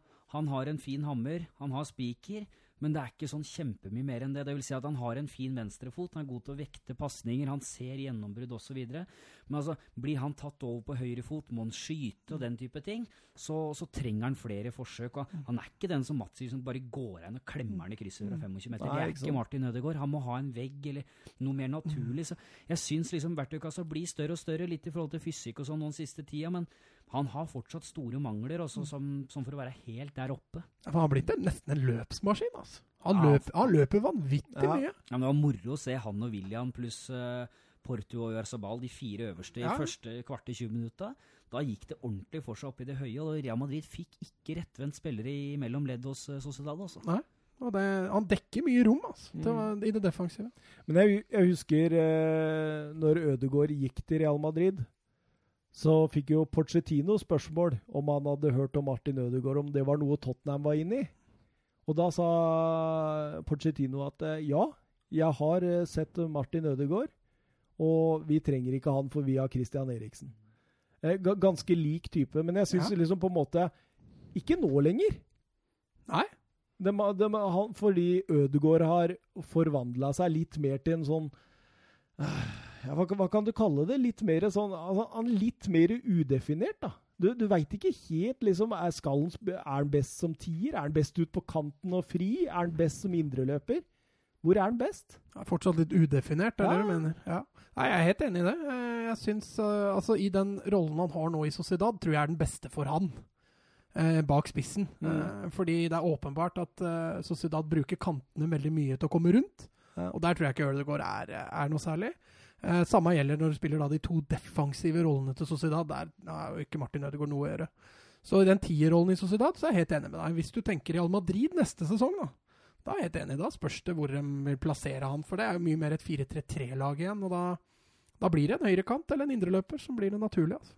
Jeg syns det kommer litt an på hvilke lagkamerater han har. Ja hvis han skal dyttes ut på en kant, så er det som Mats sier, det er ikke han som kan gjøre mm. komme rundt. altså Da må du ha offensive backer, mm. sånn som f.eks. på landslaget med Omar som kommer hver gang. Der syns jeg Ødegaard begynte å komme av seg litt. Mm. Uh, men så er det også litt det med den tierrollen. Han er avhengig av å ha ballkontakt. Hvis det blir veldig stengt av to dype f.eks. hos motstander, kanskje han må falle veldig dypt. Er han like kreativ da? Uh, det er litt sånne spørsmål. Også, så det at han kan spille på flere posisjoner, tror jeg ikke gjør noe. Nei da, det, det, det, tror jeg er fornuftig for han også. Men du ser også i Sociedad De kampene hvor Sociedad spiller veldig bredt, så blomstrer ikke Martin Ødegaard like mye. Da får han ikke brukt kreativiteten sin. Mens de kampene hvor uh, Oyar Sabal og Portu i større grad kommer inn fra kant, så blomstrer Martin Ødegaard mye mer. Og det, det, er litt det samme som i forhold til hvilken posisjon han skal spille. Blir han spillende indreløper, så blir han jo mye dypere i banen òg, da. Men så kommer Gareth Bailey inn. Ja, det var artig til stor pipekonsert. Ja, Allerede fra da han begynte å varme opp, så begynte de å bue ganske kraftig. Du hørte når Bale begynte å varme opp, da, for å si det sånn. Mm. Og det, ja. Jeg har sett det har vært mye skriveri på Twitter i forhold til om det er riktig å bue på han eller ikke. Eh, jeg kjenner jeg er litt delt. Eh, er du det, altså? Ja, altså I forhold til at eh, alle må jo ha sett at dette var gjort med en stor dose humor. Ja, det er jo det jeg tenker. Og at det da tar seg så nær av det. Samtidig så tenker man jo også litt at han han var jo fra før ikke sånn supergodt likt i Madrid, i tillegg til at han har heller ikke Han har prestert ujevnt i Madrid. Og så når da fansen ser at han prioriterer golf og Wales Ja, men det er jo ikke han som har lagd dette flagget. Nei, nei, nei, det, er, det er derfor jeg sier jeg er litt delt, da. Fordi jeg hadde åpenbart sett humoren i det. Men uh, de mest fanatiske fansen, så skjønner jeg jo det at de blir forbanna. Men det, men det blei jo litt delt etter hvert der òg. Ja, da kampen uh, skrida ut, så var det mange som reisa seg og klappa for den. Ja, men du så også det når han ble bytta inn. Hvis du ser på fansen som står bak kameraet der, eller de mm. som blir filma, så står jo alle og klapper. Mm. Uh, sånn at det var jo Men den hardcore fansen som står bak det ene målet, der var det mye buing og piping og Jeg skal innrømme å si at jeg i to kamper nå, så han kommet inn mot både PSG og Sossad, så har jeg håpa at han skulle gjøre et mål. Ja, bare for I, å se reaksjonen nå. Ja, I går så skøyt han jo i krysstanga på, eller stanga på frispark mot mm. PSG. og mot Sociedad, så er han jo nærme en ball som triller over streken mm. der, som ikke blir satt inn. og Da havna han jo faktisk inn i, hos publikum der, tror jeg, over reklameskiltet. Så Nei, men han eh, Jeg håpa egentlig litt at han skulle gjøre et mål. Og etter 74 minutter der, så setter han jo opp med Valverde et fantastisk angrep. Ja, det var uh, nydelig. Nok en gang Valverde inn i boks, Bale rundt på kant. og Ender jo til slutt opp hos Modric, som uh, Benzema der som header den nydelig ja. tilbake til Modric. Uegoistisk. Oi, oi, oi. oi. Altså, se den, da. Modric er høyrebeint med venstre bare oh. opp i nærmeste der, på, ja. på halvvollet, liksom. Det, ja, det, det, er slakt at ingen uh, Jeg syns jo forsvarsspillet på headinga til Benzema er for dårlig. Mm. Altså, Man må tettere i Benzema så han ikke får kontrollere ballen og legge den så godt til rette for Modric, men allikevel så smeller Modric bare en rett oppi som, som, ja, som ikke skulle gjort det annet. Men du ser jo også Bale slå innlegget med høyre, mm. og Modric skyter med venstre. og det, altså, det er jo bare de beste spillere i verden som er nesten like gode med begge bein. Men så fikk eh, Real Sociedad et par muligheter til å gjøre litt spennende der. Janusai der som tar åpenbart et feil valg. Det var den jeg snakka om ja. tidligere, når han kommer gjennom etter at Ramos feilberegner fullstendig. Mm. Eh, at han ikke prøver å se etter Isak og José. Det sier vi litt om Janusai sin karriere òg, tenker jeg. Ja, også, Men jeg syns altså, for å snakke om Isak, så har han et veldig positivt innhopp, syns jeg. Han, ja. han, er veldig direkte. Rettvender seg fort og utfordrer, skaper overtall. Um, så det byttet burde kanskje vært gjort uh, litt tidligere. Uh, men han beholder som sagt William José på banen. Jeg har vært innom ja, det jo det når jeg jager mål. Ja da, men jeg har vært inne på det litt før. Jeg syns det er litt overraskende at Sociedad ikke har mer fokus på bekkene skal komme rundt igjen når du har en så god duellspiller i boks som det William José er. Men uh, han blir sjelden utfordra på, på, de situasjonene. Derfor så mener jeg at Isak er et eh, bedre valg altså, i sånne kamper enn Mm. mm. José er. Ja, i hvert fall, Jeg satt og tenkte på det 65-70 minutter, når det fortsatt var 2-1. Da Da har du fortsatt sjansen til å ta poeng. Mm. Da tenkte jeg nå ville dytta inn Isak. Mm. Om det er hvem Billian eller hvem som skal ut der, eller om de gjør om mye. Så så, så, så den energien til og med på 3-1 som Isak kom inn og ga. Mm. Tenk om han kunne komme inn og gitt det på 2-1, hvordan hadde det blitt? Mm, jeg ja. vet ikke, Hadde det blitt fått løst Ødegaard litt med litt mer strekk i stoppera? Mm. Uh, Sjøl om jeg syns Real Madrid har en ekstrem gave da i forhold til Avaran. Det blir litt som van Dijk. Du kan tørre å stå 1-1 bak der hele tida. Ja. Han er så rask, Det er helt rått Ja. å se på. Altså. Han løper opp det, Det meste. helt rått. Men uh, ja Det er vel nesten ikke nødvendig å si noe mer. Bale holder vi litt lekestue der på slutten der. Det er, det er fantastisk hvordan han drar av Jorente der innafor 16. Eh, han er eh, nære målet et par ganger der òg. Ja, men du så også at han ville skåre mål i den kampen. Eller han ville gjøre det bra. Altså, når du får den entreen, så skjønner jeg at det går en djevel i deg. Altså. For det, det var buing på høyt nivå. og Det er klart, da vil du vise deg fram. Altså. Skal vi ta kampens beste spiller, eller? Ja. Tre poeng til den beste, og så nedover. Har du, eh, har du dine Dine Du kan, vi kan Jeg veit ikke, sa jeg fra til deg at du gjør det? Du sa ikke fra. Nei, du men, får ta det på eh, sparket, tror jeg. jeg kan jo ta min mening. Ja, Jeg kan jo det. Eh, ta det i dag, du. Tre, tre, tre, tre poeng. ja, så, så, så jeg skal begynne? Du Ja. begynner. Ja. Tre poeng til den beste, og så to og én. Ja, Da gir jeg tre poeng til Valverde. Han er uh, favoritten min, så han får den av det. To poeng til Benzema. Og ett poeng til uh, Modric. Og Mats? Ja, jeg har, eh, jeg har tre poeng til Hazard, jeg, da. Eh, I 70 minutter, eller hvis du ser bort fra de første 30, kanskje, så, så syns jeg Hazard holder lekestue med, med Sociedad, og de feilberegner han totalt. Eh, poeng i, nei, to poeng gir jeg til Valverde. Han var strålende. Eh, kanskje den beste kampen han har hatt så langt i Real Madrid-karrieren. Han fulgte jo opp med en ny strålende match mot eh, PSG. Eh, Ett poeng eh, går jeg litt vekk fra Real Madrid. Eh, gir til Miquel Merino. Han var strålende i store deler av kampen for Sociedad, spesielt defensivt. Eh, hylla han tidligere. Jeg syns han er, er helt nydelig og ganske avgjørende for de gode periodene til Sociedad. Ja. Jeg har Jeg tror jeg vi er tre forskjellige trepoengere. For jeg har trepoengeren min til Luka Modric. Ja. Mål og to målgivende, kreativ, god i possession-spillet. Glimtvis sånn Ballon Dior-form, syns jeg. Fantastisk. Eh, har aldri i sin Real Madrid-karriere vært involvert i tre mål i én kamp. Det var han denne gangen, med to assist og ett mål. Fantastisk kamp. av har Karim Benzema på to poeng. Eh, Mål, assist og hockeyassist. God i kombinasjonsspill og eh, han jeg synes han er god når han faller, han er god når han stikker, han er god til å time. Han er, han er i åpenbart kjempeform, kanskje den beste formen jeg noen gang har sett han i. Eh, det er kun Messi og Lewandowski som har flere mål enn Karim Benzema i kalenderåret 2019 nå. Mm. Eh, på ett poeng her så har jeg skrevet Hazard, Valverde, Mendy. og så står det 'avgjørende sending'. Og da blei det Da, siden uh, du har Hazard og du har Valverde Ja, på tre poenger, så tar jeg Mendy. Så da er det ingen som er på alle tre listene. Det er. Det er artig. Eh, Didrik Tofte Nilsen han eh, spør oss et spørsmål, han. Hvordan ser dere styrkeforholdet Barcelona-Real Madrid nå? Forrige gang tippet dere topp fire i Tyskland, for topp fire i Spania, da. Ja, altså topp fire Vi hadde jo topp fire utgangspunktet. var vel Sevilla, Real Madrid, eh, Barcelona Nei, eh, Atletico Barcelona. De fire ender topp fire, det er jeg fortsatt ganske sikker på. Eh, kanskje litt annen rekkefølge. Nå er det helt klart at jeg syns Real Madrid har et momentum eh, som ikke Barcelona har. Eh, så akkurat nå så, så holder jeg Real Madrid som en, kanskje en liten favoritt, men eh, blir jo ikke overraska hvis Barcelona vinner til slutt. Atletico Madrid syns jeg ser svakere ut. Sevilla sterkere, så at Sevilla fort kan ta en tredjeplass og Atletico ned på fjerde, det kan godt være. Skal vi si oss enig, eller? Jeg støtter Mats i den. Jeg tror Real Madrid eh, vinner til slutt. Det tror jeg faktisk òg akkurat nå, men jeg er ikke kjent for å vingle så mye, da. Så da Du får stå ved Jeg får Barcelona. stå Ja, men med jeg, valget, jeg, da. jeg står også ved, ved Barcelona, men akkurat nå, hvis vi skal ta, ta den formen de er i nå, så er det ingen tvil om at Real Madrid ser sterkere ut enn Barcelona. Vi fikk et fantastisk Twitter-spørsmål her en gang. skjønner du?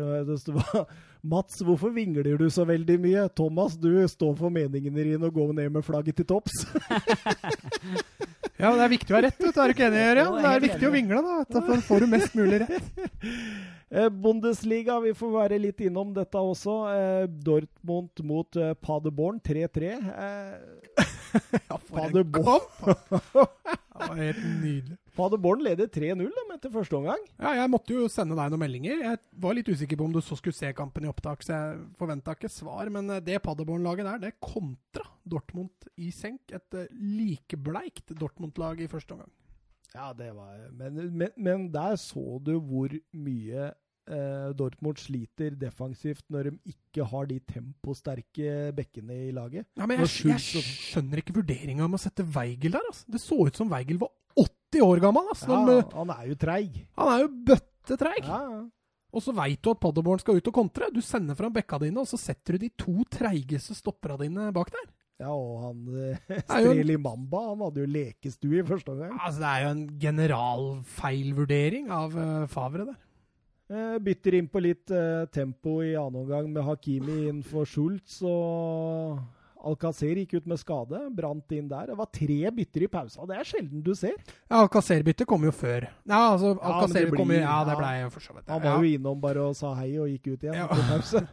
Men eh, nei, han måtte jo gjøre noe, for det, de ligger under 3-0 mot det totale bunnlaget i, i Bundesliga. Så at han måtte finne på et eller annet der, det, det måtte han jo. Og, og, Men tre bytter i pausa, bruke alle tre, det er det, er ris det er litt risiko bak ja, det òg. jo I tredje div så har dere vel ubegrensa med bytter, har dere ikke det? Der er det fem bytter. Ja.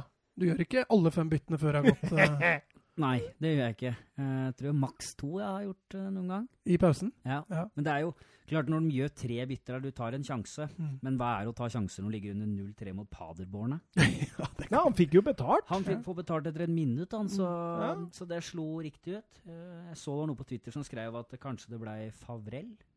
ja. Eh, Ding! Ja.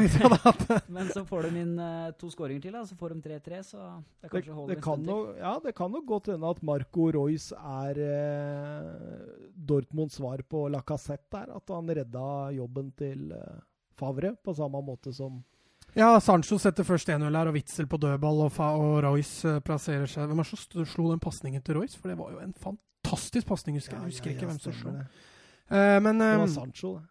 Ja, det var Sancho. Ja. Eh, nei, det var i hvert fall en eh, meget god snuoperasjon av Dortmund der, men en 3-3 isolert sett er jo langt ifra bra nok for, eh, for Dortmund i den situasjonen de er i nå. Eh, det er klart, når det ligger under 3-0 til pause og klarer 3-3, så, så gir vel det en god følelse, men eh, det er en kamp eh, Det var vel nesten den sikreste trepoengskampen Dortmund hadde i hele år. Marco Royce var ute og beklaga til supportera Jeg syns han har beklaga mye i år, altså. Mm. Det er ikke noe godt tegn. Enten så har han vært sur fordi han har fått Ja. kritikk for at de har ikke hatt det mentale i orden, eller så har han beklaga til fansen. Så det, det må jo ligge noe i dette her, tenker jeg. Nei, det er litt synd. Jeg har sagt det før, jeg er veldig glad i Dortmund, så jeg unner dem egentlig alt vel, men nå Det ser litt tungt ut i, i Dortmund for tida. I Favreland. Men det var nok tungt for Paderborn nå. ja, det Ja, kan nå, hende. nå har de fem poeng, så jeg, jeg undrer om det ene poenget de fikk der. Men så kan du tenke deg der på 3-1, så har jo han Streli Mamba Han har jo en så stor Ja. Han er gjennom der. Mm. Og setter 4-1 da, da hadde det vært kjørt. Men tenk deg den energien de kunne henta ut og slå Dortmund bort da. Ja, Bare, de ligger der de ligger, kanskje de er fortapt, eller, ja, men uansett. borte mot et bra lag, der kunne de henta masse energi. Så har du den energien i 70 minutter, og så bare sprekker hele ballongen. Mm. Det må være så tungt. Ja, nei, vi har jo vært inne og dødsdømt Paderborn allerede i forrige sending, vi, så det er ikke ja, før sesongen til Ja, og med, så det- så, nei, det er nok ikke så mye håp for Paderborn, men det der hadde vært en voldsom opptur hvis de hadde rodd det der i land. Leverkosen-Freiburg 1-1. At ikke Leverkosen vinner det der av kampen der, det tar jeg meg sjøl i å sitte og gruble på den dag i dag. Ja, det var totalt overkjøring. Ja, Eh, fullstendig. Jeg, jeg så Jeg måtte inn og se på expected goals etter kampen. Og da så jeg at den var 3,58 til Leverkosen og 0,71 til Freiburg. Og personlig så følte jeg det var litt lite. Jeg trodde vi måtte opp Altså- i expected goals på 5-6 minst. Altså. De hadde vel nesten 30 avslutninger i den matchen, Leverkosen. De hadde ballen i over 70% Det var, eh, det var fullstendig overkjøring. Eh, det, Og og, de, de skaper, de skaper jo en del store sjanser. Og Det er liksom Ja, de sjansene de Fattelig at de ikke men, men det sier litt om flyten Freiburg har hatt i år òg, at de faktisk får med seg poeng i den kampen her. Det, det er jo helt utrolig. Ja, for Lucas Høler han stanger inn 0-1 han etter fem minutter. Og Vendel som ikke holder markeringa der. Eh, altså, fordi, altså, kampens store spiller, Moussa Diaby. For en kamp han hadde. Men så lite effektiv han var. Ja, men så, så liksom kom fra intet òg. Altså, vi har ikke snakka noe om Diaby før heller. At han skulle blomstre så vanvittig i en match. Han kan fort få litt mer tid i år, han. Driblesterk, teknisk, Mm. leken, powerful, eh, voldsom. Han er bare 20 år, kommer fra PSG foran denne sesongen. Ja. Eh, Strålende. Kan gjøre veien lang tilbake for Leon Bailey, i hvert fall. ja, vi snakker om Bailey i hver sending. Ja, ja. Men det der, der var eh, At det ikke Leverkosen tar med seg tre poeng. Jeg, jeg, jeg sliter så med å forstå det, faktisk. Ja, men tar du med Champions League-seieren i går, så, så er de vel nå tre kamper ubeseira nå, Leverkosen. Så det er jo for så vidt på rett vei, men eh, de henger jo litt etter i Bundesligaen. Ja. En eh, rask tur innom Frankfurt òg, der Wolfsburg var på besøk, og eh, senka da Wolf Frankfurt med 0-2 til Søren Døpker. Stores glede. Ja, vi snakka jo om det sist òg, at det blir ikke mange poeng til Wolfsburg framover. Men jaggu tute meg dro dem i land en eh, sterk 2-0-seier etter å ha spilt en hel omgang altså med én mann mindre. Frankfurt 70% av ballen.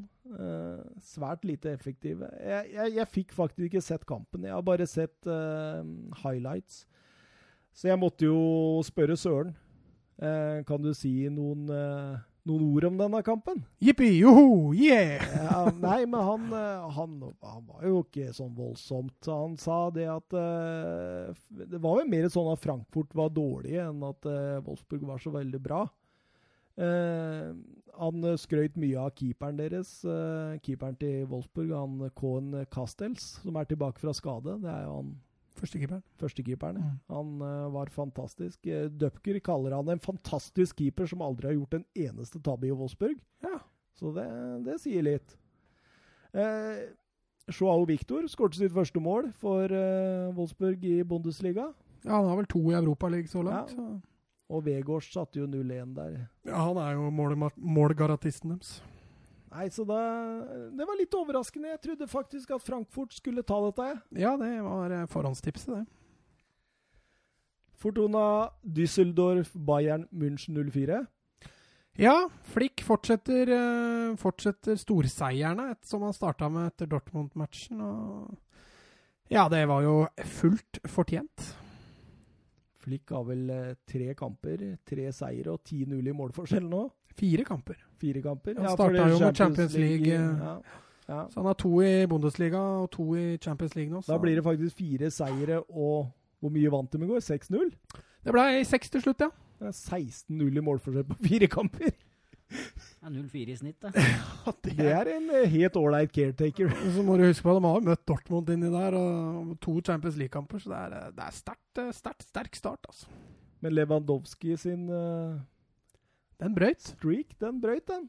Nå var han ferdigskåra, trodde vi, før han spilte kamp i går. Elleve Bundesligakamper eh, på rad eh, uten, eh, nei, med nettkjenning, og så dukka han opp med kun en assist i denne kampen her. Ja, det var hans første assist i år i Bundesliga. Ja, det husker du ikke vi snakka om det her, at det er typisk goalscorer vet du, når du ikke har én assist, men en haug av mål.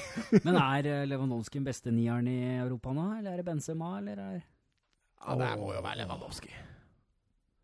Men, Ja, beste men- nieren, altså men- Benzema har jo utvida repertoaret sitt litt. Han er jo ikke noe sånn Men hvor mange niere har vi egentlig, som er av den helt, helt ypperste klassen? altså, Icardi har jo vært brukbar i år, men han spiller jo i fransk Ja, liga. Altså. Icardi, Så har du Kane, da. Kane, Og så har du Benzema Lewandowski. Benzema, Lewandowski. ja. Wout Weghorst. Luis Suárez. Ja. Ja, ja, ja. Alvaro Morata skal vi ta med. Ja, ja, ja, han kan være nier. han. Temi Abraham. Jeg vil jo si de tre beste as we speak nå er eh, Lewandowski eh, Nummer én. Ja, Lewandowski er nok nummer én. Jeg er helt enig. Ja, enig. Ben, Benzema nummer to og Kane nummer tre. Ja, eh, jeg kan si meg enig i det. Ja, jeg tror det Tror vi er innafor der, er vi ikke det? Jo. Jo, Firmino er kanskje ikke Nei, men han, han er litt annerledes, liksom, igjen. Ja, Men han er jo i et oppsatt stilling, så er han jo en nier, på en måte. Men det, Ja. det blir noe annet. Så. Han dropper så mye ned at eh, han er liksom ikke noen sånn klassisk nier. Du har en så, du har én jobb, det er å få Mané og Salah til å skinne. Ja. Men det klarer han nå. Ja, absolutt. Absolutt. Eh, Lewandowski sa for øvrig etter kampen til dette at uh, denne streaken fikk sin ende, at eh, det måtte jo skje noen gang. Noen ganger må man roe seg ned, slik at man kan gi 100% igjen til neste kamp. Og det gjorde han jo i Champions League. Definitivt. Eh, Benjamin Pavard tok seg tid til å skryte av Hansi Flick etter eh, kampen. Sa at hele laget, støt, laget støtta han, og at det er veldig god forståelse mellom spillere og trenere. Og at det samtlige er veldig fornøyd rundt Hansi. Hansi. Eh, Da blir kanskje Pochettino på vent, da. ja, på intervjuet med Pavard så virka det i hvert fall som hugget i stein at han, uh, Hansi Flick sitter til vinterpausa. Ja. Så eh, Ja, vi får se, vi får se.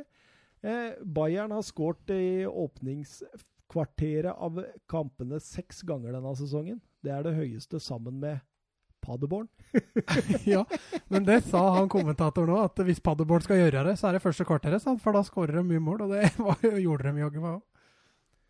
Ja, det er fantastisk. Og Tolisso skårte sitt uh, første mål for Bayern denne sesongen. Ja. Tolisso som var veldig bra. Han skårte vel i går òg. Ja. To på to der. Stemmer det. Det blir vel Bayern. Ja, vi var vel enige om det i forrige runde, var vi ikke det? Union Berlin, da. de møtte Borussia München-Glavak, dem. dem som leda Bundesliga-tabellen med fire poeng. Ah, helt nydelig, altså. Antony Uja, eller? Ja. Åh. Sebastian Andersson, toppskåreren. Vi synger Antoni Uja. Husker du den runga på Åråsen, Mats? Jeg gjorde det i, i to og et halvt år. og Julian Ryerson fikk seg en assist òg. Han gjorde det. Han ble byt, bytta inn og assisterte på overtid der. det var hans første involvering òg. Det var fint. Jeg må skryte litt av Urs Fischer og hans menn, tenker jeg. Eh, Altså, For en arbeidsinnsats det laget der har. Men det er jo det de må vinne fotballkamper på. Eh, så at Union Berlin er blitt så gode på det eh, På det de må være gode på for å overleve, det, det er jeg enig med deg. All ære. Ja, altså, de, de har jo ikke noe særlige ferdigheter.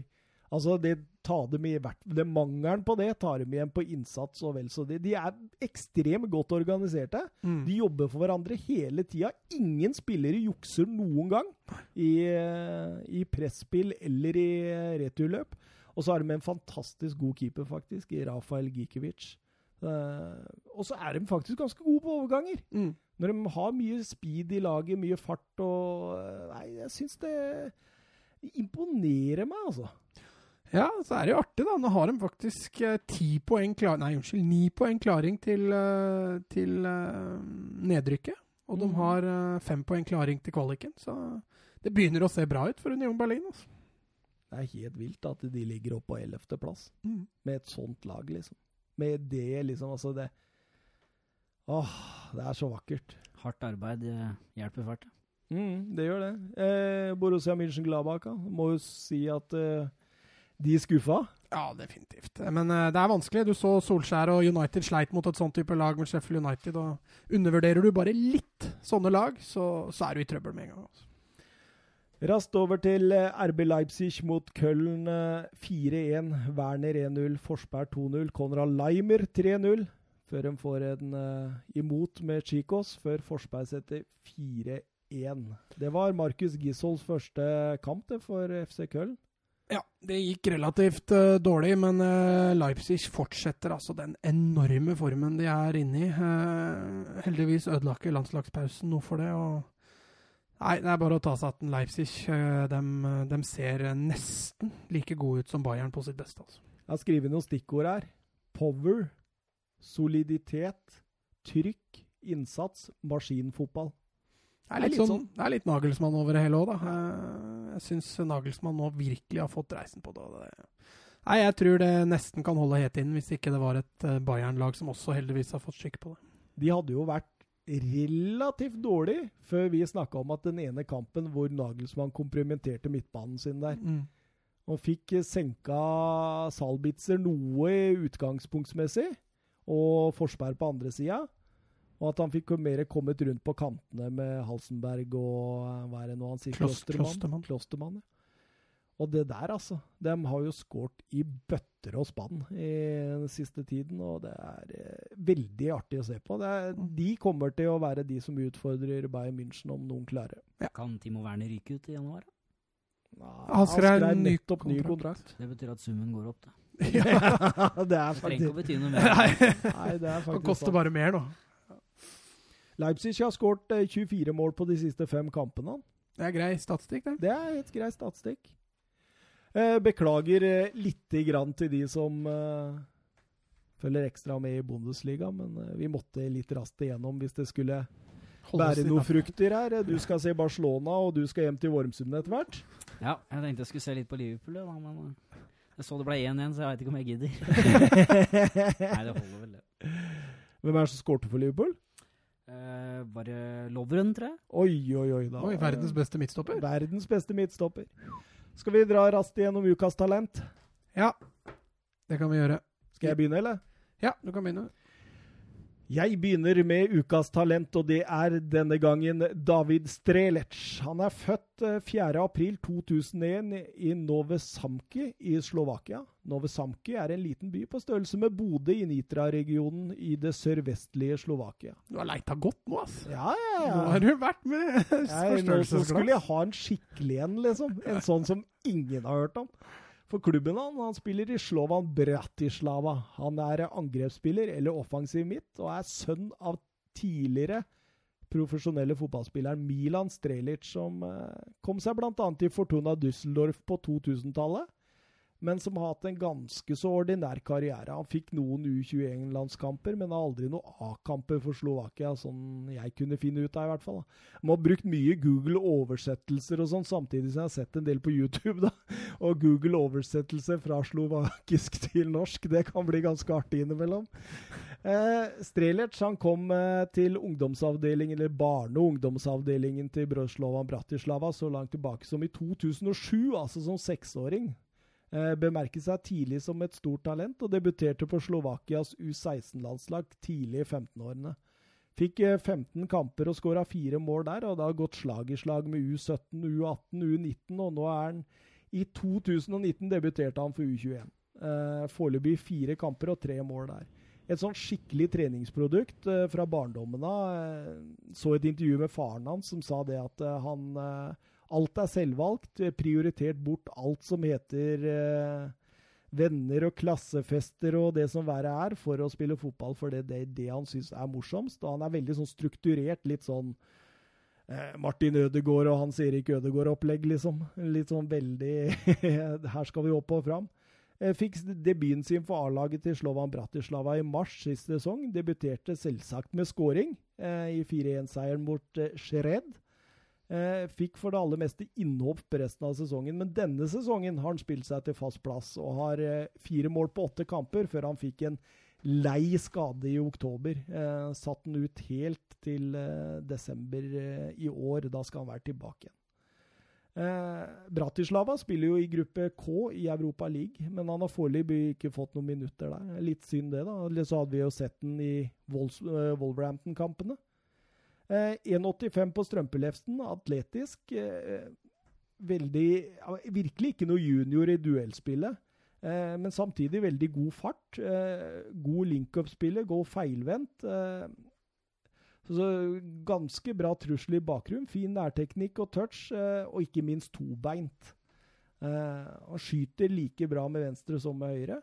Eh, dette gjør han til en veldig sånn uforutsigbar avslutter. da.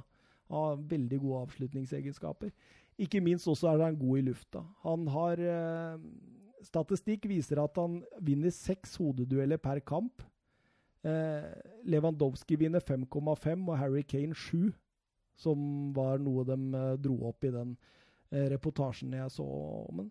Og hvis du skulle sammenligne den med en spiller i dag, så var det Harry Kane. I måten å spille på. Deilig, da. Ja. David Strelec der, altså. Jeg har gravd- Men jeg har gravd godt, jeg òg, skjønner du. Uh, funnet meg en tyrker, faktisk. det er noe du ikke vil høre, når- holdt jeg på å si, hjemme. Nei, han dukka opp eh, Han dukka opp på kartet for ikke så lenge siden, da han ble tidenes yngste målskårer i uh, tyrkisk superleague. Uh, mannen, eller gutten, heter Emre Demir. Han er født 15.1.2004. Det vil si at han er kun 15 år. Han spiller for uh, superligaklubben Keiserispor og har allerede rukket å få fire kamper denne sesongen, og altså da skåret ett mål. Han har spilt for, han signerte proffkontrakt uh, før sesongstart og har signert fram til 2022.